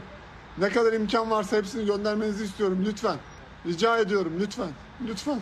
Allah rızası için burada insanlar çok. Hatay Spor Teknik Direktörü Volkan Demirel de ilk günden bu yana çabalıyor. O da İstanbul'a getirilen depremzedelerle Hatay'dan görüntülü konuşurken yine gözyaşlarına hakim olamadı. E, Hatay'dasın şu anda. Evet, evet, evet. İlçe ilçe e, köy köy geziyorsun değil mi? İlçe ilçe yardım yapıyoruz abi. Yardım yapıyorsun. Yardım etmeye çalışıyorum tamam benim annem. Kolay gelsin hocam. Kolay gelsin. Allah razı olsun. Efendim herkesin gönüllerinde taht kurdular. Ezeli rekabet içindeki pek çok kulüp taraftarları deprem bölgesine yardım için düzenlenebilecek e, bir takım maçlar filan bir takım organizasyonlar olursa bu ezeli rakiplerin bu futbolcularının kendi kalelerine geçmesi, kendi takımlarında yer alması için aynı zamanda dileklerini iletip duruyorlar. Bunlar önemli şeyler. Önemli şeyler. Bir kıymetli izleyicimiz demiş ki efendim bu birbirine düşmek için çırpınan insanlardan bıktım. Bu ülkenin bir sosyoloğu yok mu? Biz neden bu hale geldik? Efendim Erinç Yeldan, Profesör Erinç, Yel, Erinç Yeldan aynı zamanda kendisi de öyle bir e, bakış açısına ve aynı zamanda çalışmalara sahip. Birlikte çalıştığı insanlar arasında da sosyal bilimciler var. Dolayısıyla sadece iktisattan bahsetmeyeceğiz. E, şimdi Hatay'da, şimdi ekranda bir görüntü. E, Hatay'da Cebrail Mahallesi'nde Murat Apartmanı enkazında 9. gün 208. saat bir yaralının bir vatandaşımızın sağ kurtarılması görüntülerini izliyorsunuz. Foto muhabiri arkadaşlar. Efendim şimdi biraz e, siyasete bakalım, siyasetteki yorumlara bakalım. Yardım kuruluşları, sivil toplum kuruluşları biliyorsunuz bir yandan da kimi tartışmalar var. Milliyetçi Hareket Partisi'nden de bu konuda birbirinden farklı sesler geldi. Bir dakika, bir dakika arkadaşlar, bir dakika. Devletin yapamadığı ve yetişemediği ne vardır da ahbapçılar, babalacılar, akraba gibi kanat çıkmaktadır. sadece devletimizin çözebileceği bir organizasyon, bir problem değildi. Sağ olsun Türkiye'nin dört bir yanından sivil toplum örgütlerimiz de geldi. Burada bizim yaralarımızı sarmaya. İşlerinde en değerlerinden biri de Ahbap'tı. MHP lideri Devlet Bahçeli'nin hedef aldığı Ahbap Derneği'ni yardımlarını MHP Hatay Milletvekili Lütfi Kaşıkçı yerinde depremin yıktığı Hatay'da ziyaret etti, övgüyle bahsetti. Yanında Ahbap Derneği Başkanı Haluk Levent de vardı. Bakın bu çadır kenti de Haluk Bey'in şahsında Ahbap dediğimiz bu organizasyonu yaptık. AFAD da bizim, Ahbap da bizim. Eyvallah, sağ olun. Ahbap Çadır Kenti'ni kurduk. Burada yaklaşık 3000 aileyi barındırabileceğiz. Yemek çıkartacağız. Büyük afetin ilk anından itibaren birçok sivil toplum örgütü gibi Ahbap Derneği de insani yardım için seferber oldu. Derneğin başındaki isim sanatçı Haluk Levent 1 milyar liranın üzerinde bağış topladıklarını Fox Haber canlı yayında anlattı. Her bir kuruşun depremzedelere harcanacağını, AFAD'la koordinasyonlu çalıştıklarını. Valiliğinden AFAD'a hepsine koordineli çalışıyoruz. Zaten devletin denetiminde her yıl varız. Daha bundan 3 ay önce denetimizden çok güzel bir şekilde geçtik. Yardım ve desteklerin AFAD aracılığıyla yapılması en doğru, en sağlıklı yoldur. Bizim coğrafyamızın insanı Haluk Levent. Kendisi Adanalıdır ama bir parçası da Hataylıdır. Olayı duyduğu andan itibaren buraya gelip burada yaralarımızı sarmak için elinden gelen tüm gayreti gösterdi. MHP Hatay Milletvekili Lütfi Kaşıkçı'nın Ahbap Derneği'nin Hatay'da kurduğu çadır kenti ziyaretinden Haluk Levent ve derneğine teşekkür etmesinden bir gün sonra MHP lideri Bahçeli Ahbap'ı hedef aldı.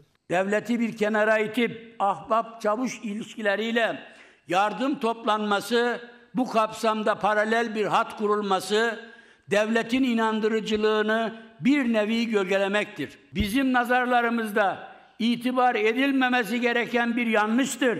Bakın bu çadır kenti de Haluk Bey'in şahsında Ahbap dediğimiz bu organizasyonu yaptı ki Hatay'ın dört bir tarafında şu an hem çadır kent hem konteyner kent yapmak için yoğun bir şekilde çalışıyorlar. Haluk Bey'e ve yürüttüğü bu organizasyona çok teşekkür ediyorum. Ahbapçılar, babalacılar, akraba gibi kanat çıkmaktadır.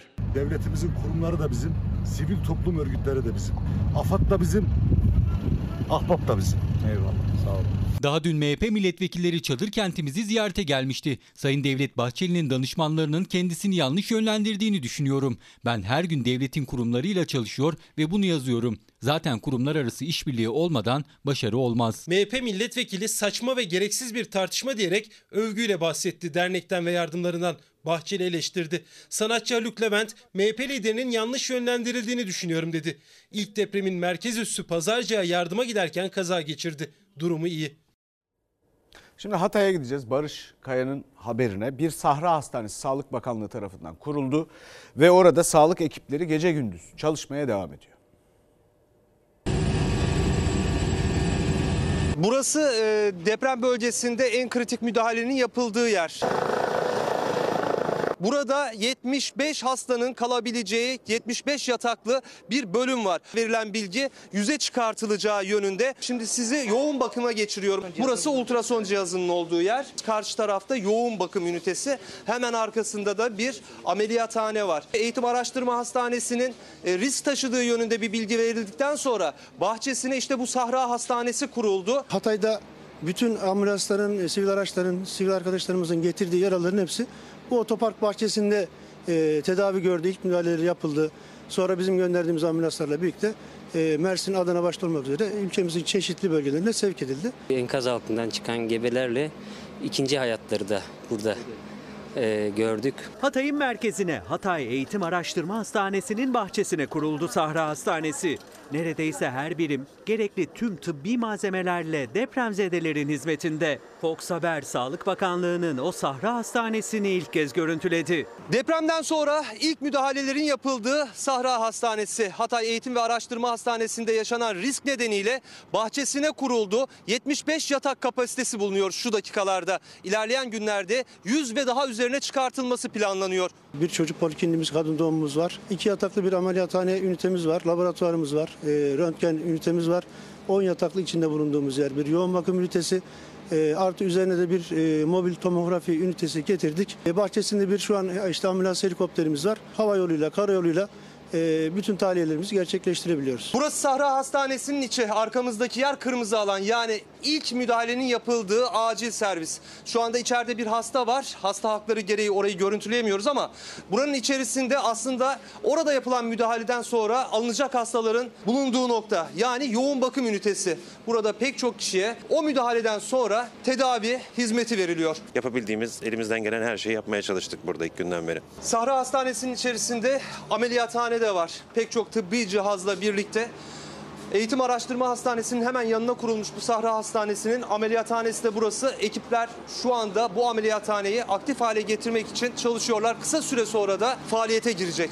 Bu gördüğünüz e, ileri düzeyde e, gelişmiş multidedektör BT sistemi. Bu BT ile her türlü tomografi işlemlerini rahatlıkla gerçekleştirebiliyoruz. Sabahtan beri zaten pek çok hastayı burada e, tomografi işlemini gerçekleştirdik. Çadırlar hastane birimleri gibi ayrıldı. İlk çadır acil bölümü, ikinci çadırsa kadın doğum çadırı, ardından çocuk sağlığı, ameliyathane, laboratuvar hatta poliklinik bölümü var. Burası acil servisin olduğu yer. Depremzedelere, enkaz altından çıkartılıp getirilenlere burada ilk müdahale yapılıyor. Enkaz altından çıkartılanların ilk müdahaleleri yapıldıktan sonra helikopterlerle diğer illerdeki hastanelere sevk ediliyor.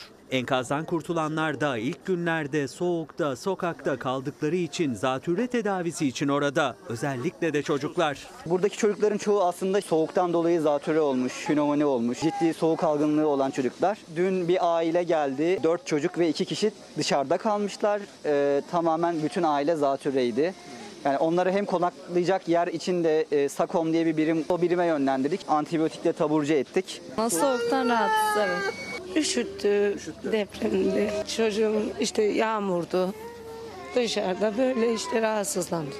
Allah'a şükür doktorlarımız var. Hepimizin Rabbim yardımcısı olsun. Bütün ümmeti Muhammed'e geçmiş olsun. İster istemez bir sarsıntı yaşadılar. Dışarıda kaldık. Ee, üşüdüler. Korku bir de şey soğuk aldı. Dışarıda kaldık iki gece. Şimdiye kadar gerçi dışarıdayız da yapacak bir şey yok. Şimdi nerede kalıyorsunuz? Çadırda.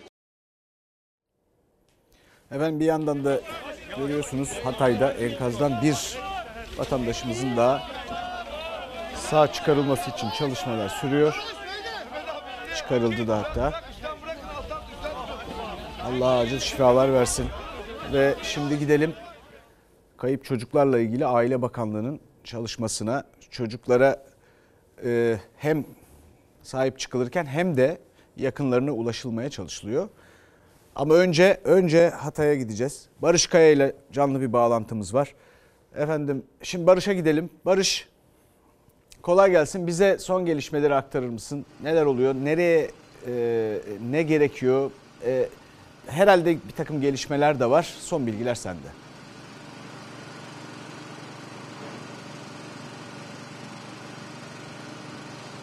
Bulunduğumuz yer Hatay'ın yine merkezi Atatürk Meydanı hemen yanı başımızda yaklaşık 100 metre ileride. Ee, burada da yine bir enkaz kaldırma çalışması var. Burada iki aile var. İki aileden iki ailede e, enkazın altındaki yakınlarının çıkartılmasını bekliyorlar.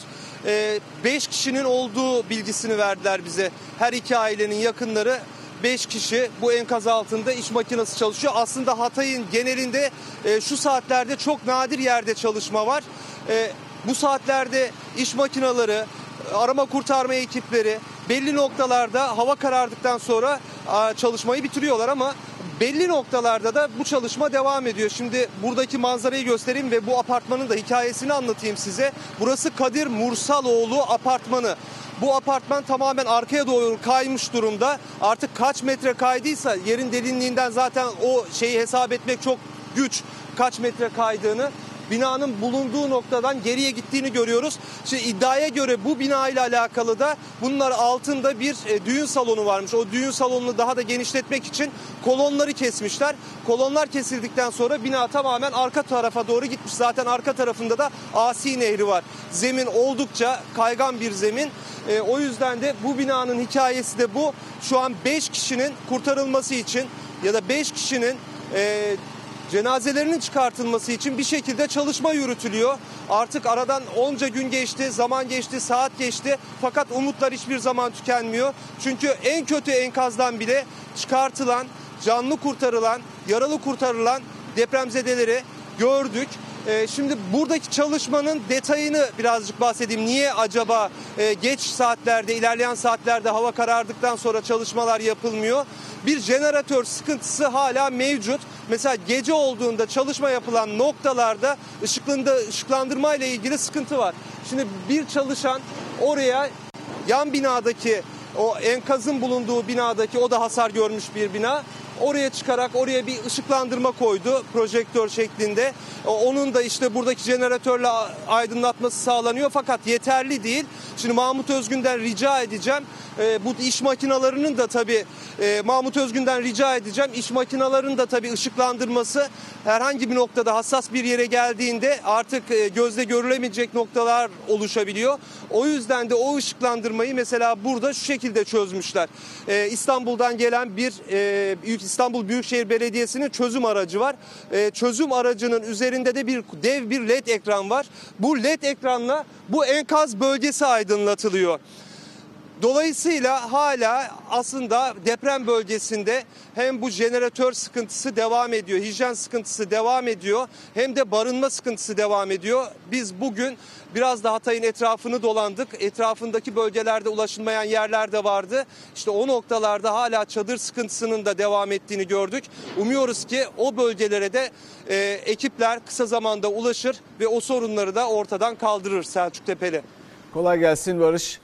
Efendim şimdi biraz önce bahsettiğimiz habere gidelim. Çocuklarla ilgili deprem bölgesinde e, çocukların yakınlarının bulunması, Aile Bakanlığı'nın onlara sahip çıkması ile ilgili sürece bir bakalım.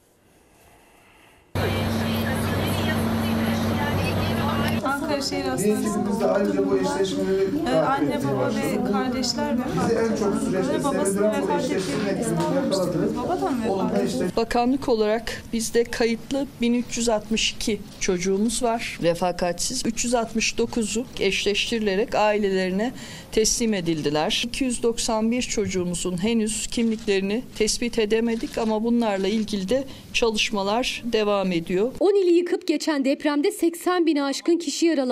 Milyonlarca depremzede, hastanede tedavi altında ya da devlet korumasında olan hala kimliği belirlenemeyen, ailesi ne durumda, nerede bilinmeyen çocuklar var. 1362 depremzede çocuk arasında sadece 369'u anne baba ya da yakınlarına kavuşurken kimliği belirlenemeyen 291 çocuk için yüz tanıma ve eşleştirme yazılımı kullanılmaya başlandı. Ankara Şehir Hastanesi. Kimden aldınız? Çocuklarla ilgili başvuruları çağrı merkezimizi aradıklarında fotoğraflarıyla beraber sisteme kaydediyoruz. TÜBİTAK'taki arkadaşlarımız sosyal medyadaki başvuruları sisteme kayıtlarını yapıyorlar. Hem Aile hem de Sağlık Bakanlığı TÜBİTAK tarafından geliştirilen derin görü yüz tanıma ve eşleştirme yazılımını kullanıyor. Yani kimliği belirlenemeyen tüm çocukların çekilen fotoğrafları yüz, duygu, canlılık, yaş, cinsiyet, benzerlik tespitiyle sisteme yükleniyor ve hastanelerden gelen kayıtlar ya da yakınları tarafından verilen fotoğraflarla eşleştirme yapılıp kayıp çocuklar aranıyor. Sadece sistemin eşleştirmesi yeterli değil. Kimlik tespiti için özellikle kolluktan bu noktada destek istiyoruz. Gerekli sosyal incelemeleri yapıyoruz. Şu an itibariyle hastanelerde tedavi gören 762 çocuğumuzu e, tespitini yaptık. 291 çocuk depremzede için kimlik çalışması devam ederken 201 çocuk da devlet koruması altına alındı. Çünkü onların da bir kısmı ailesini yitirdi depremde. Onların da yakın akraba teması olması halinde işlemler yürütülecek. Sen minik kuşsun sen sen sen. Daha önce 16 refakatsiz bebek getirilmişti Ankara'ya. Adana'dan, Mersin'den 15 depremzede bebek daha Etlik Şehir Hastanesi'nde artık. Sağlık durumları iyi. Dün bu bebeklerimizin bir bölümü Cumhurbaşkanlığına ait uçakla Ankara'ya götürülmüş. Hepsi ayrı ayrı ambulanslarla hastanelere nakledilmişti. Efendim bir yandan da görüyoruz işte bu süreçleri de takip ediyoruz. Şimdi depremden yaralı olarak kurtulan vatandaşlarımızın yakınlarının 9. günde hayata tutunma çabalarına bakalım. Biz burada can vermek üzereyiz. 8 gecedir biz bu kadar ilkel bir yaşam yaşıyoruz. Sobanın başında oturuyoruz. Yani bir çadır verilmedi bize burada. Böyle bir insanlık olabilir mi ya? İki gün depremin başında yalnızca gönüllüler çalıştı. Sekizinci gece ve hala benim canlarım orada yatıyor. Allah'tan umut kesilmez ama mucize. Günlerdir bir mucize bekliyor yakınları enkazın yanında. Bir tek kavuşuruz düşüncesi ısıtıyor onları. Çünkü hala sığınabilecekleri bir çadırları bile yok. Enkazın yanında sokakta yaktıkları sobayla ısınmaya çalışıyorlar. Depremzedelerin ailesine birer çadır kurmak bu kadar zor değildi ama. Biz bittik yani, bittik, mahvolduk. Biz sobayı görmemiştik hayatımızda. Biz burada sobayla tanıştık. Sürekli çok güçlü devlet olduğumuzu iddia ediyoruz. Ee, deprem oluyor bunu göremiyoruz. Sel oluyor bunu göremiyoruz. Yangın oluyor bunu göremiyoruz. Enkazdan ayrılsalar da gidecek yer yok. 8. geceyi de zor geçirdiler. Zaten artık günlerin de hesabını tutamıyorlar. Bir anlamı da yok çoğu için. 9 gündür bu arabanın içinde yaş- yaş- yaşıyoruz. 7 çocukla. Şehrimizde su yok. Her tarafı pislik götürüyor.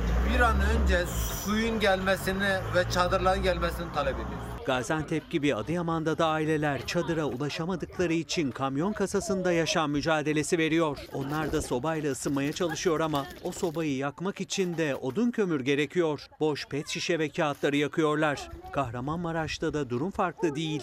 Yapacak şu an hiçbir şeyimiz yok. Soğuk. Çok soğuk. Buralar çok soğuk. Çadırda hayat mücadelesi veriyoruz. Komşum şu an çadırı yok. Biz hep beraber kalıyoruz. Dışarıdalar. Sığınacağız. Hep beraber sığınacağız. Banyo, tuvalet, çorap lazım. Ha, kaç gündür ha böyle geziyor. Erzağımız yok. Biz 10 10 kişi çadırda yatıyor. Baş, mont, kıyafet. Ha, Bu kadar mı? Ve bu kadar. Bu da kendim evde çıktıklarımdır.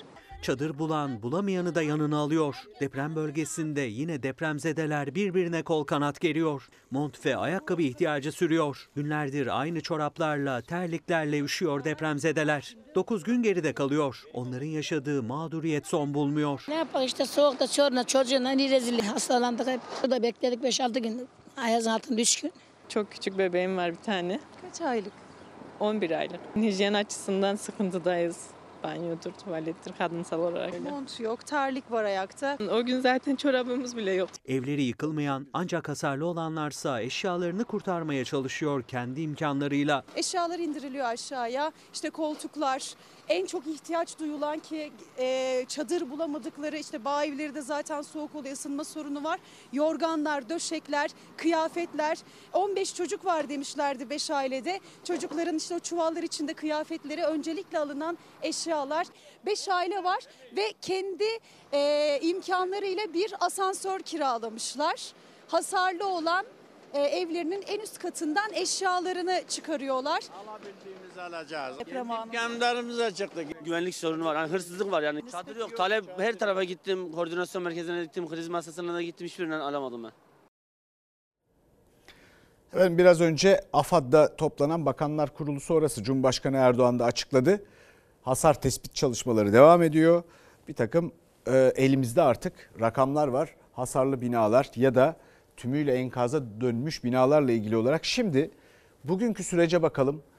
E, resmi açıklamalara bakalım. Hasar tespit çalışmalarıyla ilgili.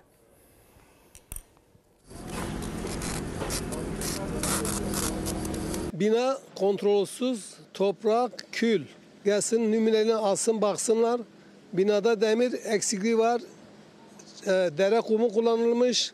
Şu ana kadar 10 ilde 763 bin bina incelenmiştir. Bunlardan 41 bin 791 binanın yıkık, e, acil yıkılacak ve ağır hasarlı olduğunun tespitini yaptık. 8. günün akşamı açıkladı Çevre ve Şehircilik Bakanı Murat Kurum. 763 bin bina incelendi dedi. Bu günde ortalama 95 bin bina demek. Hasar tespiti yapılıyor ama depremzedeler tedirgin. Çünkü detaylı bir inceleme yapılamıyor. Önce dış görünüşten tespit ediyoruz. İçeri girebiliyorsak içeriden bakıyoruz.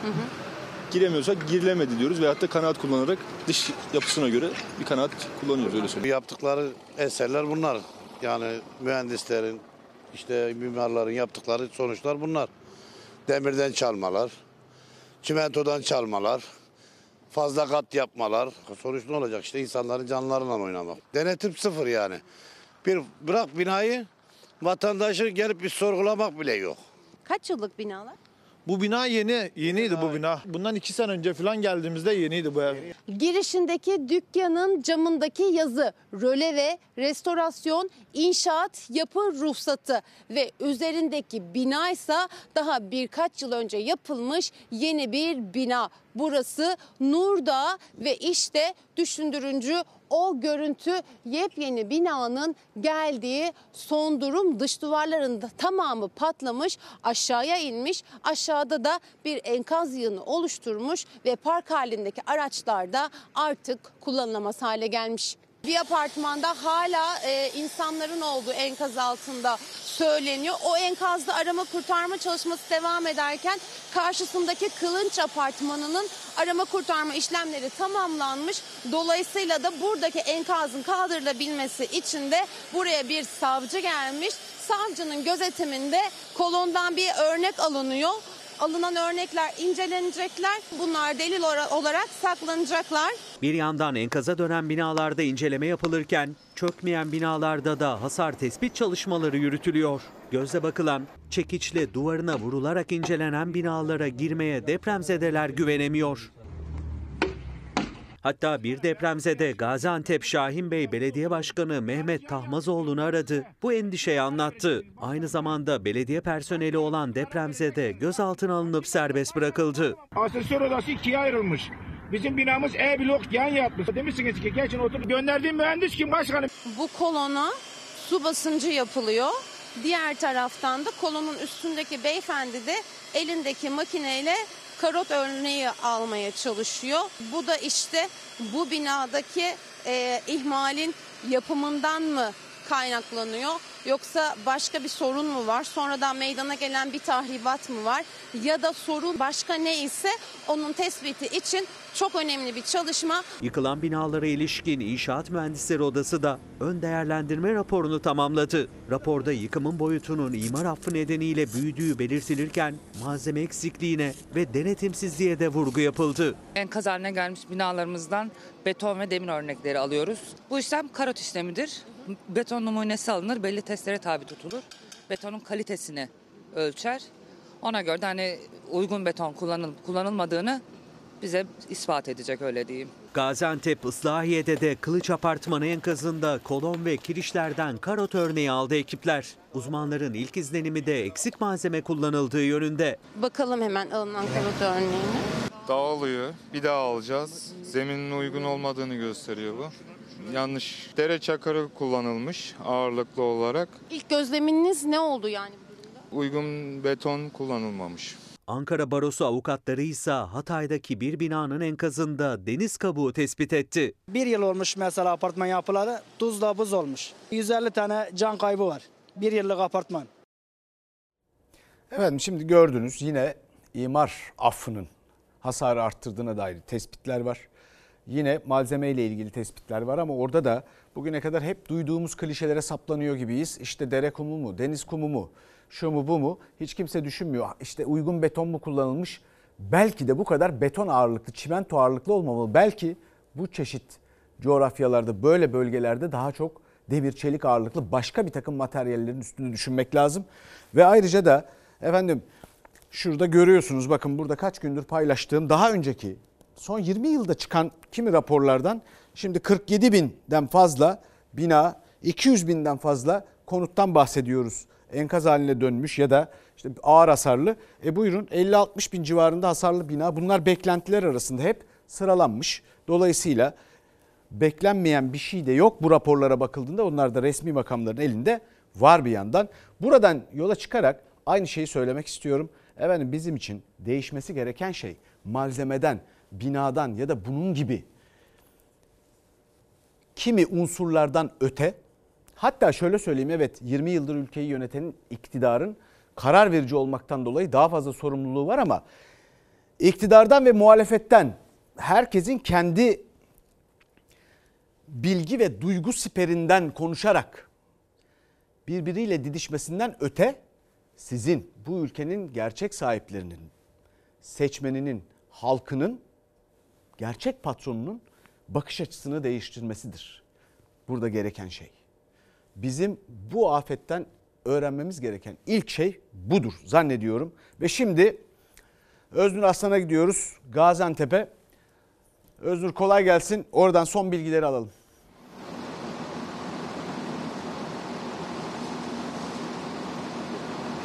Ee, şöyle anlatayım. Gaziantep Islahiye'deyiz Selçuk Tepeli.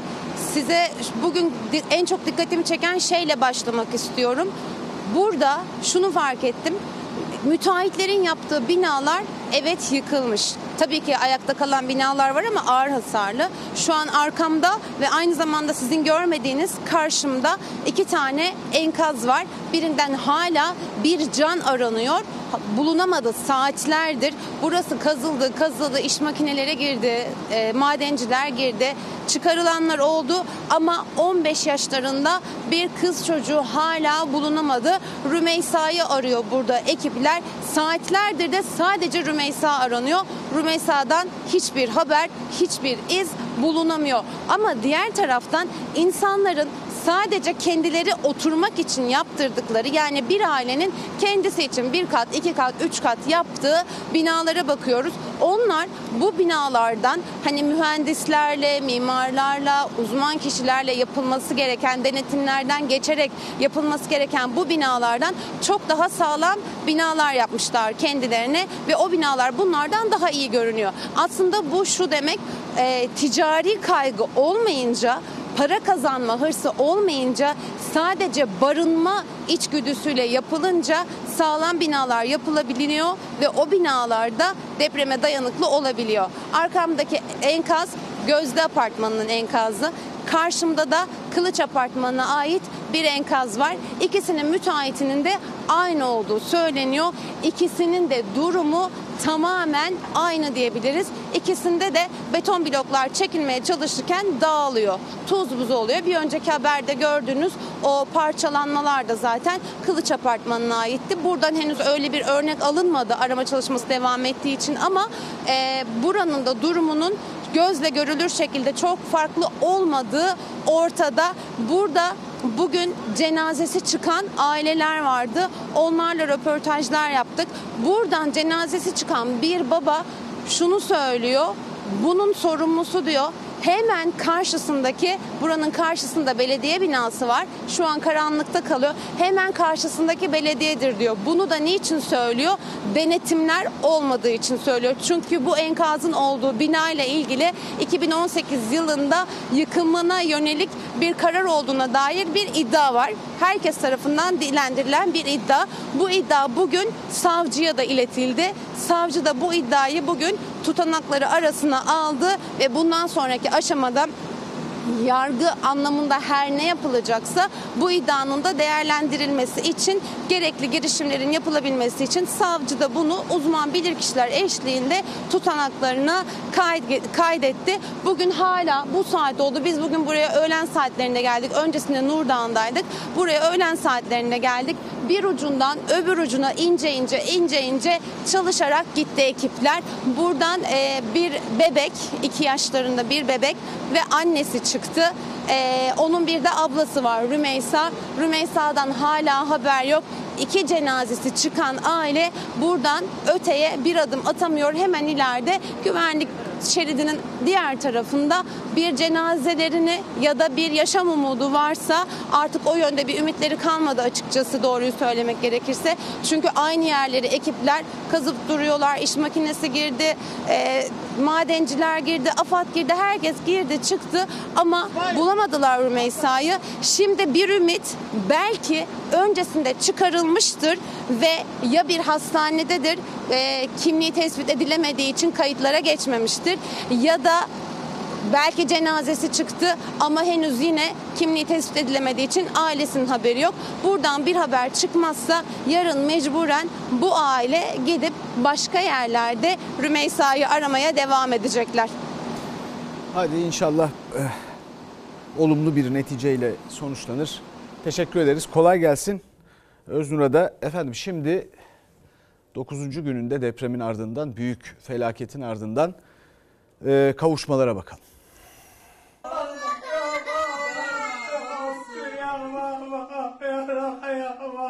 Baba kız uzun uzun sarıldı. 4 yaşındaki Gade'nin gözyaşları dinmedi. 8 gündür birbirlerini görmüyorlardı.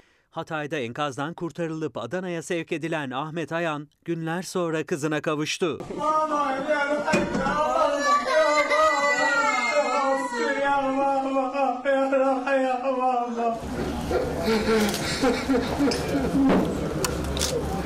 Allah kimsenin başına böyle bir felaket vermesin ya Rabbi.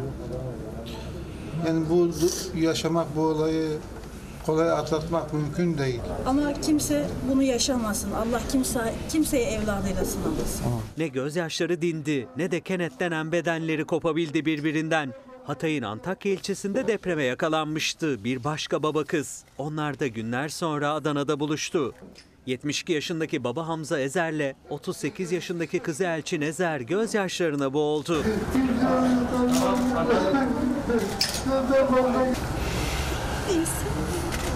Bir şey yok.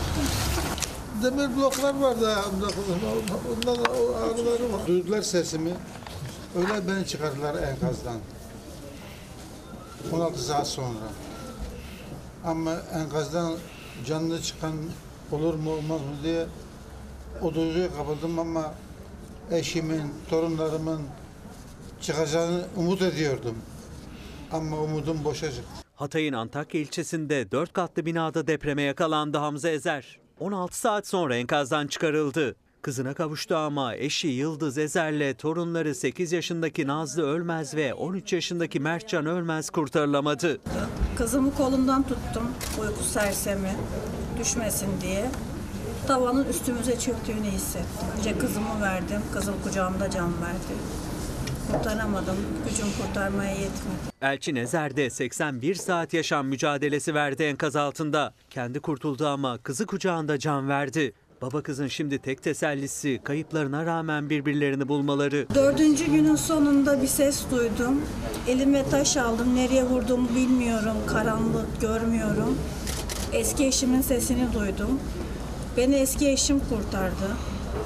Hastaneye gönderdi. Kızımın mezarını yapmış. Gaziantep'te ise Suriyeli hamile anne ve 9 aylık bebeği günler sonra hastanede buluştu. Güzel mi? Gel anne. Mustafa. Sana da gelir. Mustafa. Sana Mustafa. da gelir. Gel, gel, gel. Mustafa. Ta, ta. İlk çocuğu kurtardılar, çıkardılar. Sonra beni depremden ve enkaz altından çıkar, çıkacağımızı hiç sanmıyordum. Sen merak etme. İçin rahat olsun gayet iyi. Adıyaman'da yıkılan binanın enkazından ilk gün yaralı olarak çıkarılan 13 yaşındaki Gülcan Sekman da Ankara'daki hastaneye sevk edildi.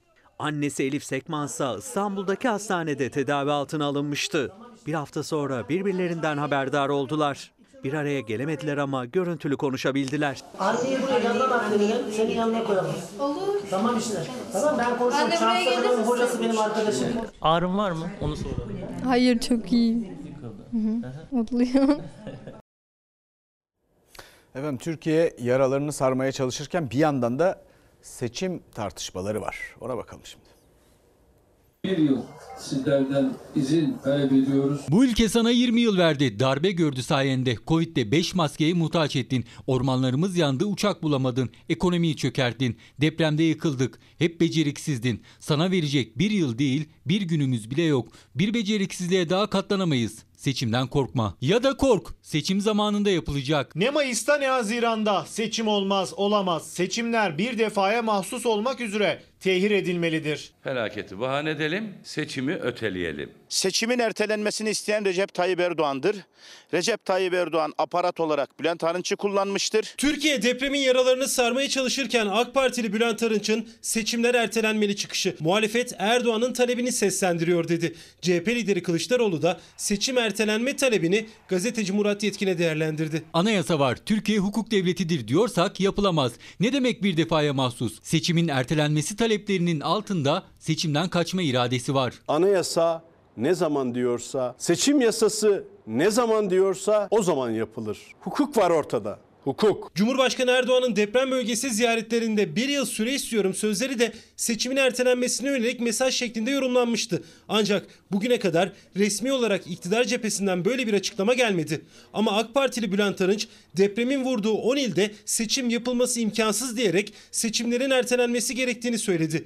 Tepkiler ardı ardına geldi. Manzara o kadar acı ki buralarda seçmen kalmamış. Hem seçmen kütükleri geçersizleşmiş hem de seçim yapmak hukuken ve fiilen imkansız hale gelmiş. Milletin kantarına çıkmaktan kaçmak için Arınç'tan böyle bir açıklama e, yapması istenmiş olabilir. Erdoğan seçimi öteleyerek hesap vermekten kaçamaz. Hesabı millete vereceksin. İster 14 Mayıs'ta, ister 18 Haziran'da. Yüksek Seçim Kurulu'nda herkesin kimlik bilgileri bulunuyor. Adres değişikliklerini de kolaylıkla saptamak mümkün. 14 Mayıs'ta olacaksa 3 ay, 18 Haziran'da zamanında yapılacaksa 4 aydan fazla zaman var. Bu süre içinde YSK görevini aksatmadan rahatlıkla yapabilir. Anayasamızın 78. maddesine göre Gazi Meclisimizin sadece ve sadece savaş durumunda seçimi bir yıl erteleyebilir diyor. Bitti. Evet bu hüküm var ama anayasalar kutsal metinler değillerdir. Hukuki metinlerdir. Yasama organı her zaman anayasa maddesini ilga edebilir, değiştirebilir ve yenisini koyabilir. Elbette öncelikli hedefimiz yaralarımızın hemen sarılmasıdır. İşte hem bu sürecin ve ülke sorunlarının etkin çözümü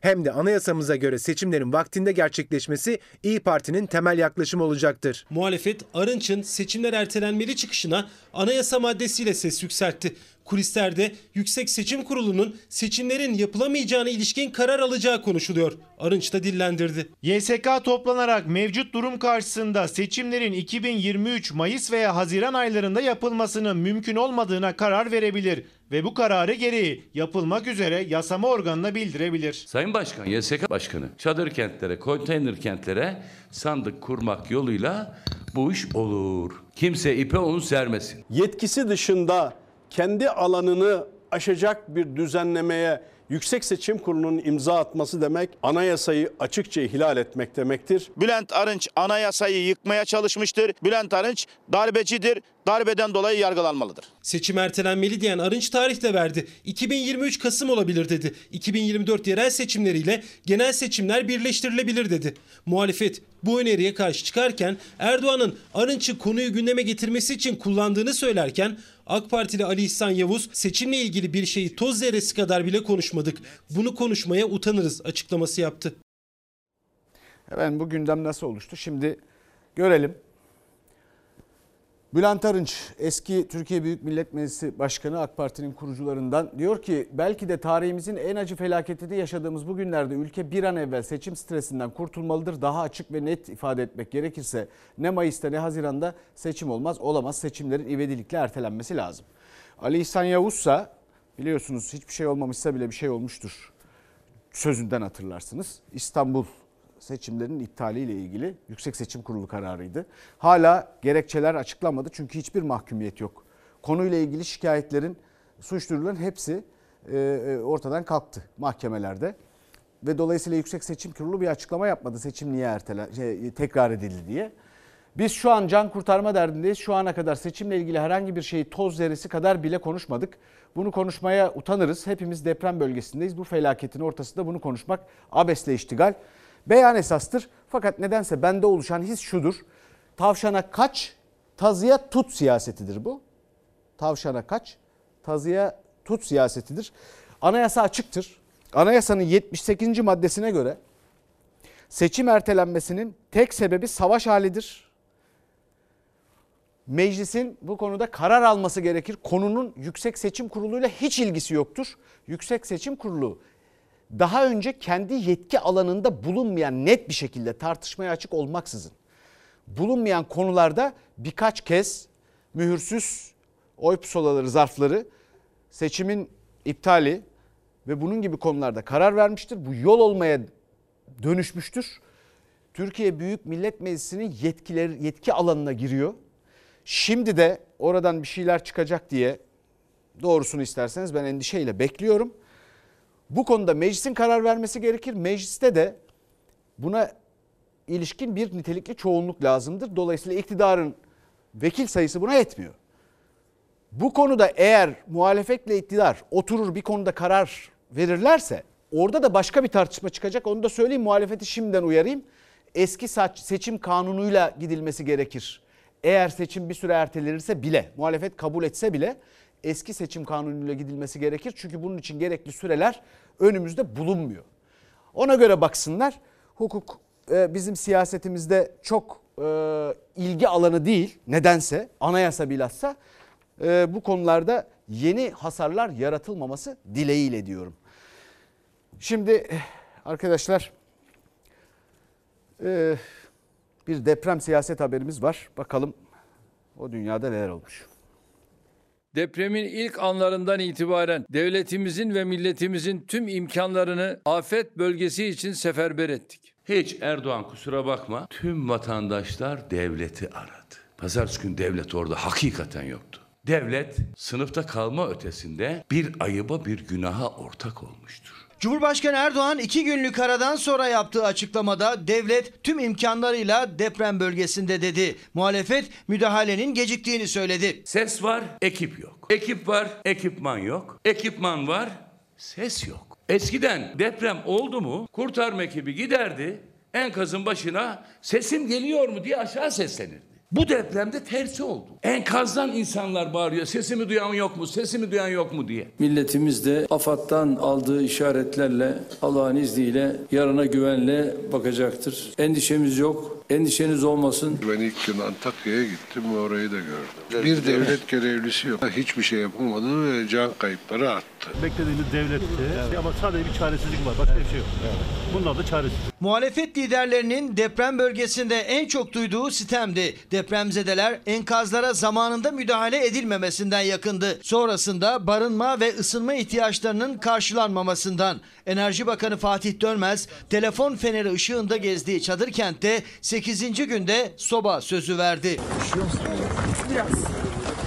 Başımız sobalarımızda gelecek inşallah. Ben görevimi en iyi şekilde yapamadım diye istifa eden kimse var mı diye bakıyoruz. Deprem bölgesinde her şey var. Sadece devlet yok diyen kanı bozuklar size söylüyorum. Devlet baktığınız ve bastığınız her yerde. Tek bir afet bölgesini görmeden, tek bir depremzedenin halini bilmeden ahkam kesiyor. Ben kendisine söyleyeyim. Sayın Bahçeli, Osmaniye'deki konutunuzun tam karşısında yıkılan enkazın sakinlerine, konutunuzun tuvaletine kullanım izni verilmemiş. Siz neden bahsediyorsunuz? Devlet Bey'in konağı ve yanında enkaz var. 12 katlı bina çöktü. Kapılar kapalı.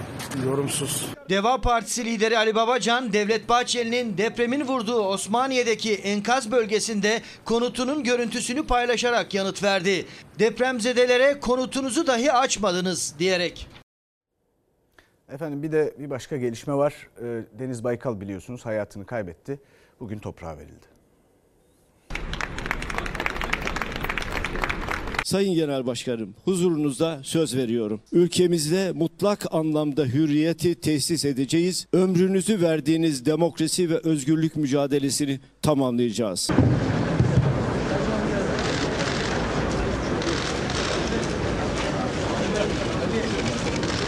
CHP eski Genel Başkanı Deniz Baykal'ın cenaze töreni. Cumhur ve Millet İttifakı ortakları aynı karedeydi ama Erdoğan muhalefeti es geçti.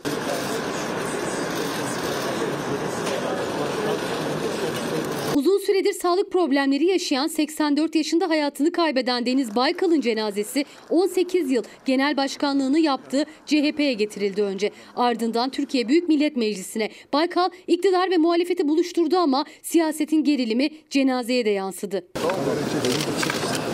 Meclisteki törende MHP lideri Bahçeli ve Millet İttifakı'nın isimleri tokalaşmadı, selamlaşmadı bile. Göz teması dahi kurulmadı. CHP lideri Kılıçdaroğlu, Deniz Baykal'ın eşi Olcay Baykal'ın elini bir an olsun bırakmadı. Haklarınızı helal ediniz. İttifak partileri arasında buz kesen hava Baykal'ın cenaze namazının kılınacağı caminin avlusunda da devam etti. Cumhurbaşkanı Erdoğan yan yana saf tutan Ekrem İmamoğlu, Ahmet Davutoğlu ve Kemal Kılıçdaroğlu'na selam vermeden yerine geçerken bir tek Memleket Partisi Genel Başkanı Muharrem İnce'nin elini sıktı. Allahu Ekber. Öyle mi? Yakışmış mı? Teşekkür ederim.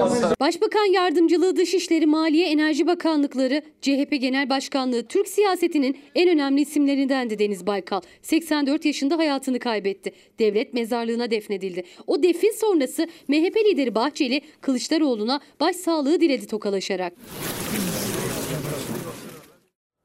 Efendim şimdi ana haber bülteninin bölümünü tamamlıyoruz. Hemen birkaç saniye sonra Profesör Elinç Erinç Yeldan bizimle birlikte olacak ve bütün bu yaşadıklarımızı ve çareleri konuşacağız.